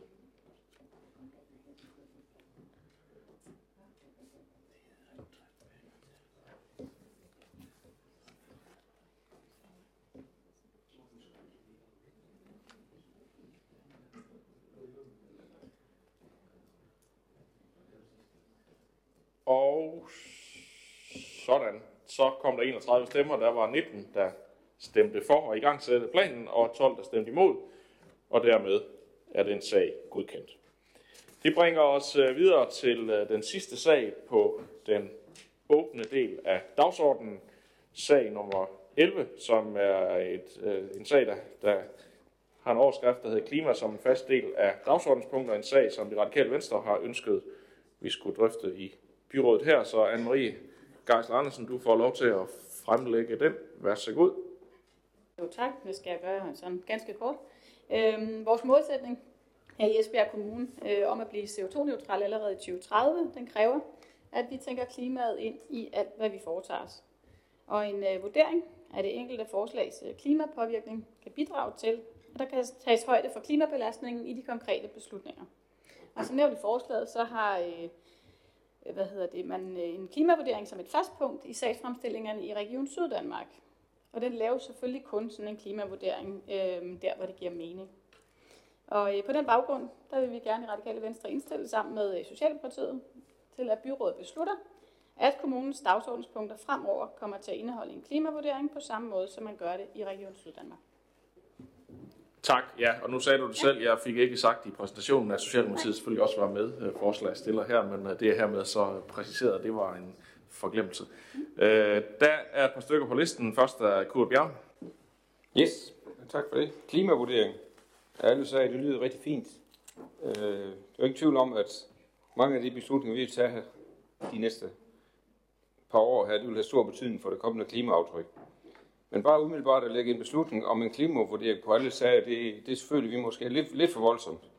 Det er, jo ikke, det er jo ikke alle sager, hvor det er relevant, øh, og derfor måske ikke bare super, at man per automatik sætter en klimavurdering på. Lige nu arbejder vi i Klima- og Miljøudvalget øh, med den kommende klimaplan, med kommunens kommende klimaplan. Og derfor kunne det jo være, at vi kunne indarbejde klimavurdering i dette arbejde og vedtage retningslinjer for dette i forbindelse med vedtagelse af, af klimaplanen. Derfor stiller Venstre og Konservative så følgende ændringsforslag. Direktionen anmodes om at indarbejde klimavurdering i sager, hvor dette skyndes relevant. Den konkrete model udarbejdes og godkendes i forbindelse med vedtagelsen af Esbjerg Kommunes klimaplan, som i øjeblikket er i høring. Tak. Tak for det. Så er det Britt André Andersen. Tak for det. I det konservative Folkeparti, der vil vi meget gerne kvittere for et overordnet set rigtig fint forslag. Og vi forstår til fulde de gode intentioner bag det her forslag, som jo taler direkte ind i kommunens vision 2025 og de ambitioner, vi har øh, på klimaområdet. Når det så er sagt, så skal et forslag give mening for os. Og det gør det kun i fald, at klimavurderingen laves i sager, hvor det gør en forskel. For eksempel i forbindelse med byggerisager og sager omkring offentlig transport og andre ting, øh, hvor der forekommer eller kan forekomme klimabelastninger. Fra konservativ side ser vi ikke nogen grund til at bebyrde forvaltningerne med at skulle udfylde et felt, der vedrører sager, som for eksempel orienteringer om magtanvendelser, sager af salg af kommunale bygninger, eller for eksempel i en sag, som vi lige har behandlet med bevilling af puljemidler til borgerrådgiveren. Derfor er vi fra konservativ side blevet enige med Venstre om at indstille et ændringsforslag, som Kurt Bjergen så fint har fået fremført her. Det håber vi naturligvis på, at vi finder opbakning til, så vi kan få de nødvendige klimavurderinger i sager, hvor det rent faktisk giver mening, uden at bebyrde vores, bebyrde vores forvaltninger unødigt i sager, hvor det ikke giver mening at angive en sådan vurdering. Tak for det. Så er det Karin Svarts. Ja, tak. Jamen, vi takker for, at vi må være med i det her øh, fine forslag fra Radikale Venstre. Øh, det er en mega ambitiøs plan, vi har som kommune, allerede at være CO2-neutral i, i 2030. Så har man sådan en ambitiøs plan, så skal man selvfølgelig også have et ambitiøst fodarbejde.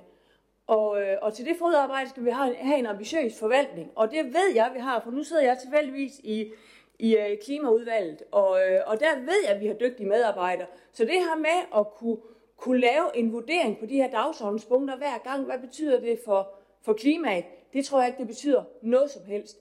Og jeg kan sige, at den klimaplan, der er på tunnel lige i øjeblikket, der var ikke mange af vores borgere, der tog imod invitationen nede i Ribe. Der var lidt flere i Bramming. Øh, så kom Malik og tog øh, møde fra os i, øh, i Esbjerg for i, øh, i lørdag, så det blev ikke til noget. Skal vi have borgerne med på det her, og det er langt den største del, det kræver borgerinddragelse, vi skal nå mål, så kræver det, at vi som kommune selv får i tale sætte det og sætte det på dagsordenen gang på gang på gang. Og jeg tror ikke, det her arbejde, det kræver ikke, øh, altså det arbejde, forvaltningen skal lave her, øh, det er rimelig CO2-neutralt. Det kræver ikke det helt store arbejde.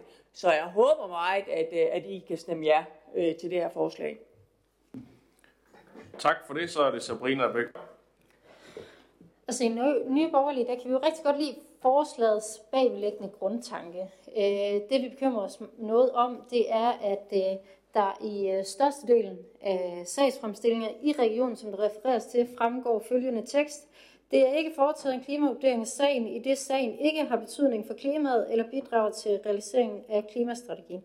Jeg øh, kan derfor være meget bekymret for, at vi i stedet for pålægger vores forvaltning at skulle lave endnu mere arbejde i mange sager, hvor det ikke giver mening. Men derimod, hvis vi går ind og kigger på det ændringsforslag, der er kommet, hvor man ser på de områder, hvor det giver mening, så kan vi støtte op. Fordi fokuset skal være der, som Socialdemokratiet også lige har sagt. At vi kan jo ikke, øh, det at være CO2-neutral, det giver tomme hvis vi ikke sætter handling bag, men man kan også sætte handling bag et sted, hvor det ikke giver mening, og hvor det bliver for byråkratisk og unødvendigt. Tak for det. Jørgen Bosen Andersen. Ja, tak. Jo, men øh, det bakker vi da selvfølgelig også op om, at vi skal have, øh, hvad hedder det, øh, øh det synliggjort så meget som overhovedet muligt og, og, og øh, have, have sat fokus på det hele vejen rundt.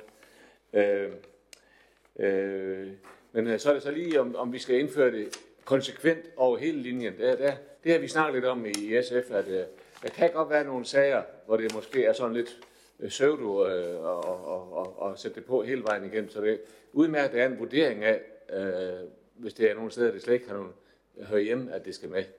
Øh, men øh, så meget som overhovedet muligt, og vi kan forstå på regionen, at de har fortrudt lidt, at, at de har det sådan konsekvent på i alle sager. Så det, den, den fejl kan vi lige så godt øh, lære af, hvis det er sådan, at de har oplevet det.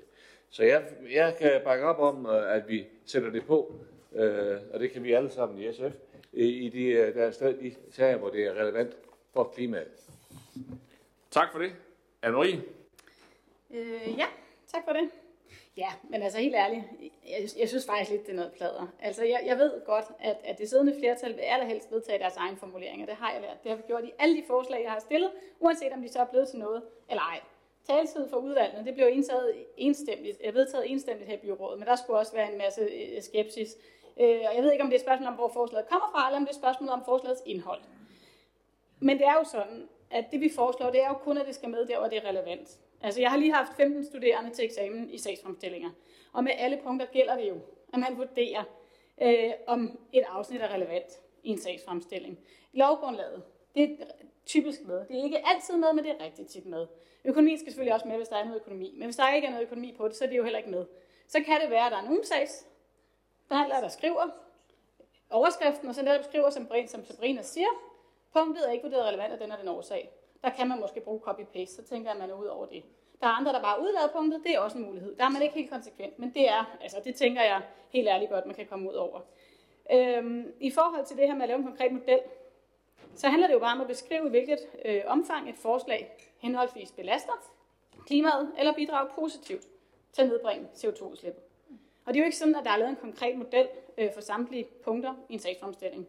Ikke engang for økonomien er der jo én model. Der står kort, og så må jeg rette mig herover, hvis jeg tager fejl. Under øh, i vejledningen står der jo kort, hvad økonomipunktet bør indeholde, så fremt det er relevant. Man skal jo ikke sidde og finde på et eller andet, hvis det ikke er relevant. Det giver helt sig selv, tænker jeg. Øhm, og så er det egentlig sjovt, synes jeg, at øh, man ikke vil afvente en øh, udviklingsplan, før man laver en lokalplan. Men her der vil man gerne afvente en, en plan, en klimaplan. Men det er jo halvanden år siden, at vi har vedtaget, som Karin også siger, de her meget ambitiøse målsætninger, som kræver, at vi får fingeren ud. Øhm, og hvorfor ikke bare komme ud over stepperne? Altså tænker siddende flertal, at det er i strid med vores klimaambitioner at gøre det her? Tænker I, at det vil have betydning for den samlede klimaplan? Altså vil det stå i vejen for den plan, hvis vi vedtager det her i dag? Jeg tænker det ikke. Så jeg synes ærligt at I skulle tage at stemme for. Ja, men altså, det kan man jo have, det er der jo fair nok at have forskellige synspunkter på. Øh, øh, det, jeg synes, det, det er helt essentielt i det her, det er jo, at vi har en klimaplan, som vi i øjeblikket har i høring, og lige om lidt, når vi har lyttet til de borgere, der har fået lov til at give indspark uh, til den, ja, så vedtager vi formodentlig en klimaplan, som vi forhåbentlig alle sammen er enige om. Vi er i hvert fald enige om at, at sende den i høring. Og så er det jo da et naturligt afsæt at tage til også at indarbejde de klimavurderinger. Det er jo da også sådan, øh, hvad hedder det, der har været tænkt og arbejdet med den klimaplan øh, hele vejen igennem, og nu kan vi så øh, få det her øh, med, og det var helt sikkert kommet alligevel, uanset om det her forslag det kom på dagsordenen i dag. I dag. Det er jo ikke nødvendigt at bringe sager ind i byrådssalen, for at øh, vi får øh, implementeret nogle af de sager, der er, men, men det har vi jo så fået en tendens for, i hvert fald her på det seneste, at vi skal have mange små sager ind, som vi så skal forholde os til i byrådet. Det gør vi selvfølgelig gerne, øh, men her har vi så indarbejdet et, øh, øh, hvad hedder det, komme med et ændringsforslag, som så øh, præciserer, at øh, det er i forlængelse af klimaplanens vedtagelse. Så er jeg nødt til lige at sige, øh, sådan rent, øh, øh, hvad hedder det, øh, afstemningsteknisk, så er det sådan, at man kan ikke bringe et hovedforslag til afstemning og så et ændringsforslag bagefter. Så man er nødt til at tage ændringsforslaget først, og hvis der er flertal for ændringsforslaget, så falder hovedforslaget. Så vi har før gjort det nogle gange omvendt, fordi så kunne man ligesom tilkendegive, øh, hvad man øh, synes, øh, øh og så hvis ikke man fik øh, helt det igennem, man drømte om, så kunne man måske godt leve med det, der var ellers. Men det kan man altså ikke øh, rent teknisk, så derfor bliver der den afstemning på den måde, og hvis der er flertal for den, så stopper sagen der. Kurt Bjerm har markeret. Ja, nu har du jo sagt rigtig meget om sagen. Øh, jeg synes bare, det er det, det er ikke noget plader, det vi, det vi gør. Vi, øh, vi ser jo et godt forslag som sådan som vi så forfiner lidt. Og du nævnte selv, jeg ved ikke, mange gange du sagde relevant i det, i det indlæg, du havde, og det er jo egentlig det, vi indfører, at, hvor det er relevant. Så jeg synes egentlig, at, at det, jeg synes, du skal se som et udmærket forslag. Altså, vi, du kommer med et udmærket forslag, men vi forfiner det. Det er ikke, det er ikke sådan noget fnider, og det er ikke plader. Vi, vi forfiner sådan set bare de forslag. Det er bare lige en kort med. Tak. Det kan der være forskellige synspunkter på, kan jeg fornemme. Men uh, der er et par stykker mere på tallisten. Ulla Kohmann er den næste. Jeg, jeg øh, synes, det er super interessant det her med, at, øh, at I forfiner noget til at blive lidt dårligere. Øh, men fint for det, som man kunne sige. Øh, det andet, jeg tænkte, det var, at øh, der står ikke noget i forslaget, heller ikke jeres jo om, hvor, øh, hvad er det for nogle udvalg, vi er ude i? Hvad, hvad er det for nogle udvalg, hvor der skal være det her øh, klimavurdering i? Øh, øh hvem er det, der er smagsdommer på det? Er det Jesper Frost, der sidder og hakker af, hver gang der skal være en klima? Øh, vurdering Eller er det Rikke Vestergaard? Eller hvem, hvem er det? Jeg, jeg ved det faktisk ikke, så det er sådan set et åbent spørgsmål.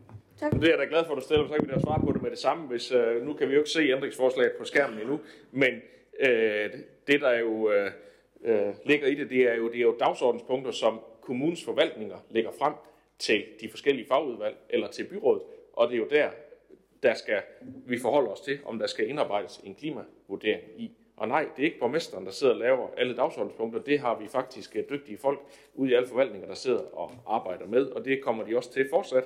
Øh, og øh, hvis ellers ændringsforslaget bliver vedtaget, så i forlængelse af, af klimaplanen, så bliver der også indarbejdet en klimavurdering, der hvor det er relevant. Anne-Marie?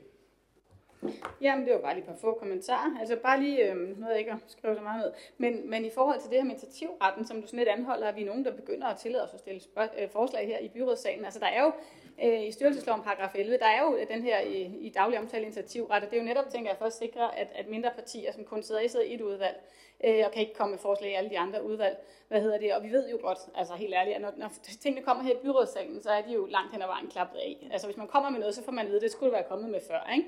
Øh, det er lige sidste øjeblik, så det kan vi ikke nå at tænke ind nu, det skal forberedes, ikke? Så, så jeg synes, altså det er jo vores mulighed for at komme med nogle mindre ting, og det er jo rigtig fint, hvis I havde tænkt på det selv, eller gerne vil have det med. Altså jeg er da også glad for, hvis det bliver øh, tænkt med, men jeg synes jo nok, som, øh, altså tak for Rosenkort, jeg synes jo nok det her, synes jo nok ikke rigtig, I forfiner noget, jeg synes bare, I trækker det lidt i langdrag.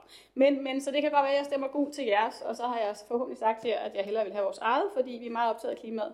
Øhm, ja, og så tror jeg, jeg ender der. Det havde vi nok en fornemmelse af, at du selvfølgelig allerhelst ville have dit eget forslag, øh, i og med at du selv har formuleret det. Øh, men øh, vi skal bringe ændringsforslaget til afstemning nu, og der forholder vi os til, at I kan se det på jeres skærm, hvad det er, I ordret I stemmer om.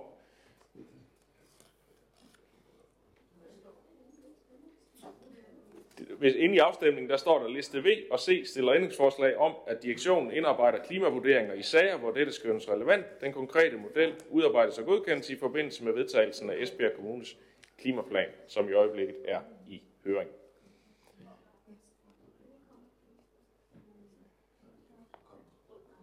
Og sådan så fik vi talt til 31. Der var 21, der stemte for, og dermed er ændringsforslaget godkendt, og det betyder, at det oprindelige forslag det bortfalder. Og det var faktisk... Det har I lov til at få, hvis I gerne vil have det. Det er ikke noget, I skal, men I må gerne få en, I må gerne få en mindretalsudtalelse øh, på, så øh, vi, vil, vi vil gerne lige høre, hvad I har tænkt jer at, at sige. Det kan Jacob Lykke måske lige fortælle. Bare fastholde det forslag, som øh, radikale også vi kom med til en start med. Det er bare det, vi vil have på som mindretalsudtalelse. Længere er den simpelthen ikke. Der er bare lige noget, jeg lige sådan tænkt på nu her i den tid, vi går ind i i forhold til den grønne omstilling, øh, biler og al den varme, vi bruger, sådan noget, får vi også at vide, om det er varmen, den kommer, energien, den kommer fra grøn energi, eller den kommer fra sort energi. Det kunne jeg godt tænke mig, at vi fik en drøftelse af på et eller andet tidspunkt. Det er ret interessant i forhold til det her, når vi skal, hvem der skal vurdere hvad. Når vi tænder op for varmen, er det så øh, sort eller grøn energi? Bare lige tænk på den. Jamen, øh, det er, nu er vi sådan set færdige med at behandle sagen her, men, men det er jo noget af det, der indgår i, i de samlede, den samlede måde, vi udregner vores øh, CO2 på og så videre. Og jeg kan jo da lige tilføje, hvis du bor i Esbjerg øh, by, som jeg ved, du gør, så øh, vil du inden længe få øh, 100% grøn øh, energi, øh, men øh, det er der ikke i dag. Øh, der må du også leve med, at der bliver brændt lidt kul af for at varme, for at varme byen op. Vi øh, har hermed fået en mindretalsudtalelse, og øh, det var så afslutningen på den åbne del af mødet, så tak til jer, der mødte op, og jer, der kiggede med.